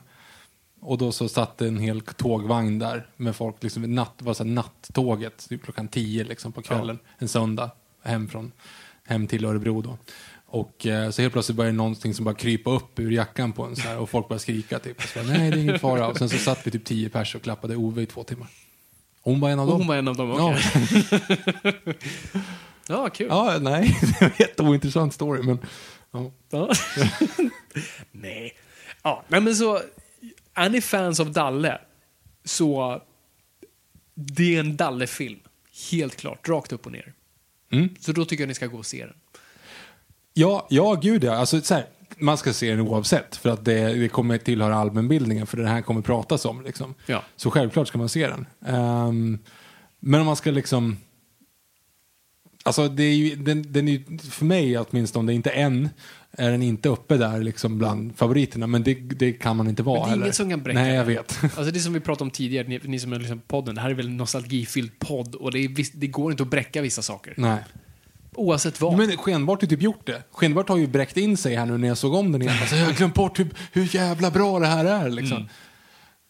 Ja, det är, det är den och Tomten och far till alla barnen. Och, ja, det, Ja. ja men ska, ska vi ta och knyta ihop det här då? det tycker jag. Så nummer ett tillbaka till sken. Alltså skenbart är nu, alltså, om jag skulle göra en lista på bästa svenska filmer så är den helt klart uppe där. Eh, för ni som inte har sett den, hitta den och se den. Och gör det nu. För den är. Pausa podden. Ja, pausa podden, säger den. Ehm, och En fiende att dö för är liksom en framtida klassiker och jag är så glad att den finns. Så vad vill vi i framtiden? jag, jag kommer ihåg när En fiende att dö för släpptes och Dalle pratade om att han inte ville regissera här igen, i Sverige alltså då. Han tyckte inte klimatet var rätt för det. Vilket gjorde mig otroligt ledsen och nu är jag otroligt glad att han har gjort en film. Så jag vill bara, liksom, min framtidsvision och hopp är att så här, snälla gör mer. Vi behöver dig. Help us, Peter Dalle. You are our only hope. Ehm, så jag vill se så mycket mer, för jag tror han har så mycket mer att berätta. Eh, och jag är så glad att se honom i uh, Vår tid är nu och han gör en scengrej. Han gör nu uh, Karl-Bertil Jonssons julafton. Scen. Ehm, han, är, han är en svensk juvel. Jag vill bara, jag vill bara se mer. Och främst i registolen. Allt, eh, jag vill inte prata någonting Lorry nu, men allt Lorry finns på SVT Öppet arkiv. By the way, för er som är intresserade. Mm, kolla in det. Ja. Vad hoppas du då, Victor? Har du några... Nej men jag, jag, jag vet inte. Alltså jag, jag är så... Jag vet, jag vet faktiskt inte riktigt vad jag vill och vad jag är just nu. Just för att jag återupptäckte skenbart här nu precis så har jag blivit så här, ja, det var som att se en ny film igen liksom. Eh, trots att den också suttit väldigt bra för att man såg den väldigt mycket och jag hade den på DVD. Eller jag har den fortfarande på DVD. Men jag har kollat på den väldigt mycket runt 2004. 2003, 2004. Ehm, Jag vill också jag vill se Dalle göra mer drama.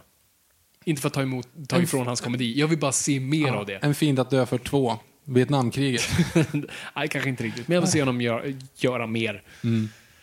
Eh, lite allvarligare grejer. Det vore coolt att se.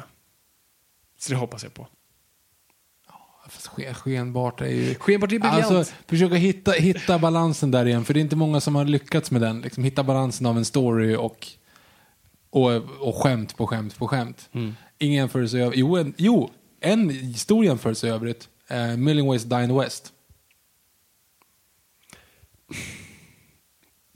Ja, jag kan inte riktigt se det. Det dundrar på skämt. Skulle du se en gag reel av den, alltså skulle du se tio minuter av de bästa skämten hade det varit bland det roligaste du sett. Men storyn håller inte ihop. Alltså det finns en story, det finns en linjär story och sen så är det en massa skämt längs vägen fram tills den ganska enkla storyn. Skenbart är samma sak. Det är också en väldigt enkel story och det är massa skämt längs vägen. Men du sitter på nålar konstant. Det är så pass mycket bättre gjort. Alltså det är, det är så Ja. välgjort och spännande så att du sitter hela tiden och tänker Ja, men lite drömkåksgrejen. Det är någon som är i huset, men vem är det? Alltså, vet man, man vill bara påminna om det hela tiden. Fort man börjar liksom slappna av så är man påmind om att det är någonting allvarligt i bakgrunden.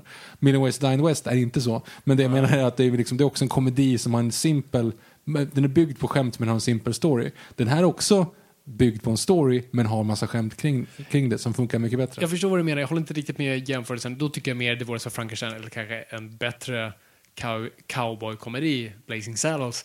Ehm, Men det är mer avancerad story på ett sätt som blir... Blazing Saddles? Ja, Nej, det är ju en väl, alltså, det är en, det är en simpel story som vävs in i någonting mer komplext sen. Men det är ju liksom en... En stad ska byggas bort så att för att skrämma iväg invånarna så anställer eh, guvernören en svart sheriff. Mm, ja, just det. liksom, det, det, är inte- det är inte så- svårare än så. Eh, och det vore så för Frankenstein också. Eh, Frankenstein. Frankenstein. eh, Werewolf. Ehm, Jag var för övrigt i eh, Madrid i helgen. Och Okej. då hade de The Wars of Frankenstein som musikal. Som var reklam för bussarna. ah, jag visste inte att det fanns på, som På, musikal. på spanska, men... För den enda låten jag kan komma på är liksom Put them on the Ritz. Eh, för övrigt så såg jag, på tal om dansshow, vad heter musikal? Jag såg eh, Sound of Music. Ja, mm. okej. Okej, oh, oh, okej. Berätta om det först, jag kommer till en grej sen. Okej. Ja, jag såg Sound of Music två helger sedan. Jag berätta? Ja, eh, på tal om Sound of Music. Eh, jag och damerna där hemma höll på och eh, vi bara lyssnade på musik. Eh, och ibland så, så, så, så får man lust för lite musikal. Mm, ofta. Ofta. Så jag bara skrev in Sound of Music för jag var lite sugen. Ehm, och så såg jag liksom Carola. Vad fan är det här? Visste du att Carola och Tommy Körberg har gjort ett Sound of Music-album tillsammans? Eh, Med de svenska översättningarna. nej, men jag tror att jag såg den showen. Ja, de kanske gjorde en show. Ja, på Kinateatern. Det var i alla fall briljant. Jag tror att Christer Sjögren var med och spelade. Okej, det gjorde saken värre. Kan, Christer, kan det, vara, det kan inte vara Christer Sjögren. Jag får att han var sjuk någon gång, Tommy Körberg, så han fick ställa in. Men det var nog fan med Carola. Jag tror att de, nu killgissar jag ordentligt, men jag tror att de var på Kinateatern. Vi var på Kinateatern två gånger, båda gånger blev jag magsjuk. En gång var på Vi på Saltkråkan och en gång var på, på Var det, eh, show, Music. var det showen eller var det något du åt? Eh, Jag vet inte. Men jag var magsjuk båda gångerna för att vi går hem i paus båda gångerna. Och jag var typ så här sex och sju år de gångerna det hänt. Jag har inte varit där sedan dess. Det har visst varit på en grej som jag inte kommer ihåg nu vad det var för någonting. Skitsamma. Eh, nej, men du, det som du säger är nog rätt. Men nej, jag har inte lyssnat på det. Och hem och lyssna på det. Nummer ett. Så här, Carola, så här, min far har en komplex relation till henne och det kan ha smittats av. Eh, Han lämnade en gång tillbaka en, en julskiva bara för att det var en låt med Carola på. Bara Yes. för att få samman, sammanhanget. Eh, och han gav mig en gång en lapp där det stod svininfluensa, harpest och Christer Sjögren. Ja, det är det det slutar med. Mm. Harpest, eh, rävskabb och svininfluensan. Allt i Christer Sjögrens fel. Jaha, Den har jag fortfarande kvar i min plånbok.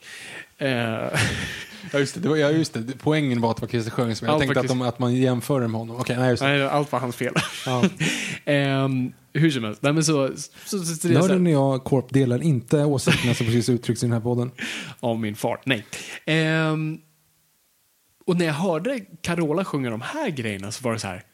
Varför var hon aldrig en Disneyprinsessa? Hon är perfekt. Ja, vänta. Har hon inte varit där då? Jag vet inte. Nej, Jag kanske tror har. inte det. Och varför inte? Vem är rösten till Pocahontas kompis i svenska översättningen? Det kan ju inte vara Carola. Du kan ju inte sätta henne som nummer två. Det här måste vi googla sen, efter Okej. den här podden. Vi kan podda För utan nu Google. fick jag, nu var det här, oh shit, det här har inte jag, det är en sån här grej som jag inte har tänkt på på 20 år igen. Som har kommit upp så här, vem fan var rösten Martin till hennes Timell. kompis? Martin Timell var Thomas. som i svenska, eller som engelska versionen var. Christian Bale. Vilken var den svenska rösten till John Smith? Det är, men gud, Han med håret. Black. Eh, Ja, precis. Tommy- ja, Tommy- du, har, du har rätt. Black var det faktiskt. Tommy Nilsson. Tommy Nilsson. Tack. Ja. Mm. Black. Det är det klart jag inte skulle döpa om mig till Black. Det finns bara en Black. Marabou Black. Det är ändå en bra kampanj. Vi kommer ihåg den typ tio år senare. Ja, vi pratar fortfarande om den, så att de gjorde någonting rätt. men ja, hur som helst. Carola, varför, hon skulle kunna ha varit i Frost. Jag tänkte det så här, hon, hon hade varit perfekt för Frost. Eh, inte för att ta ifrån de personerna som gjorde Frost, men eh, hon hade varit perfekt för det. Lyssna på Sound of Music med Tom Körberg och Carola. Ni kommer inte ångra er. Det finns några låtar där som Vil- inte är bra, men de klassiska låtarna är bra. Vilken översättning är då Do, Re, Mi, Fa, Sol, La? Eh, det är exakt samma, men de har bytt ut en av de här, Lo, till någonting typ No. Ja. För nu har de översatt, för på den översättningen som jag såg på Intiman så var det inte det nämligen. För då var den helt ny. Mhm. Alltså det var inte alls den, för du, du sjunger ju Do, Re, Mi, Fa, Sol, på svenska väldigt ofta när du blir stressad. Ja, just det. Då var det som hände. Då.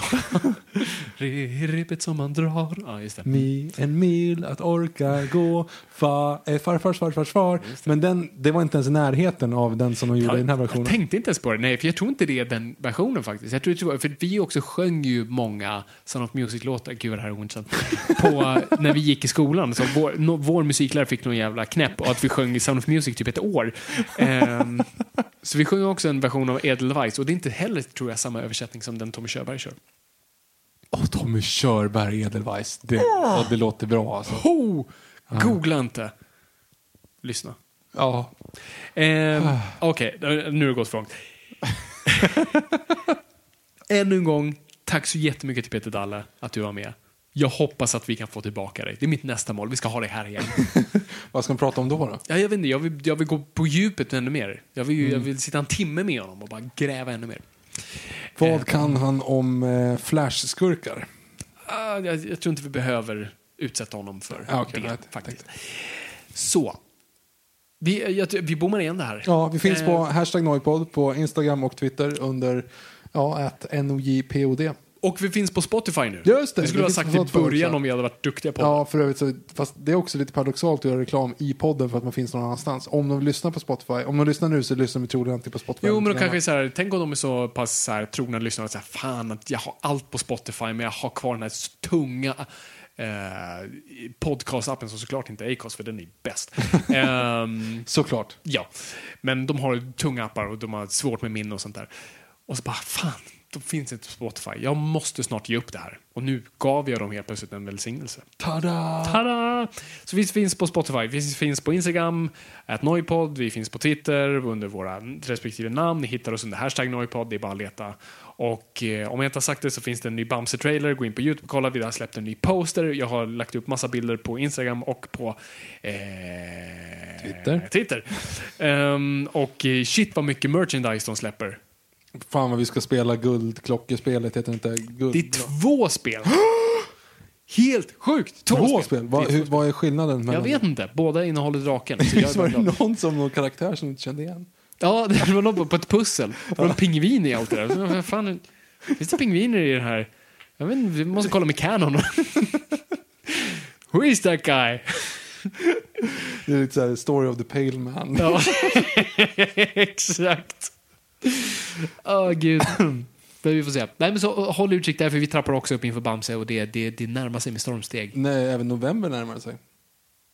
Förlåt, November närmar sig. vad händer i november? Noirvember. Ja, Noirvember såklart. Självklart, hur kunde jag glömma? Jag vet inte. Så det kommer också. Så vi har massa spännande grejer som dyker upp. There's no end to possibilities. Yes. Jag vet inte vad som Aquaman. händer nästa dock. Aquaman, det, det är väl december va? Fortfarande det är det, november? va? Just Kommer inte ihåg. Skitsamma, men jag vet inte vad som händer nästa vecka. Eh, eller nästa, nästa vecka. Så vi får se. Men håll utkik. Shit, det här, vi säljer inte podden bra. Vi bommar igen där. Tack så jättemycket för att ni har lyssnat. Det är kul att vara lyssnad, men kom ihåg gott folk, ingenting är för nördigt. Men du hör ju inte. Du lyssnar ju inte. Men du hör ju inte. Men du lyssnar inte. Du hör ju inte. Du lyssnar inte. Du hör ju inte. Du lyssnar.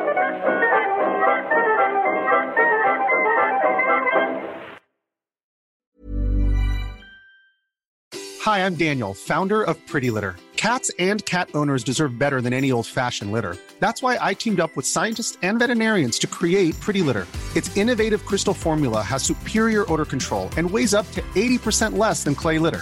Pretty Litter even monitors health by changing colors to help detect early signs of potential illness. It's the world's smartest kitty litter.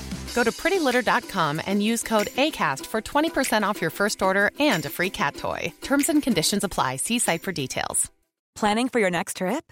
Elevate your travel style with Quince. Quince has all the jet setting essentials you'll want for your next getaway, like European linen, premium luggage options, buttery soft Italian leather bags, and so much more. And is all priced at 50 to 80% less than similar brands. Plus, Quince only works with factories that use safe and ethical manufacturing practices. Pack your bags with high-quality essentials you'll be wearing for vacations to come with Quince. Go to quince.com slash pack for free shipping and 365-day returns.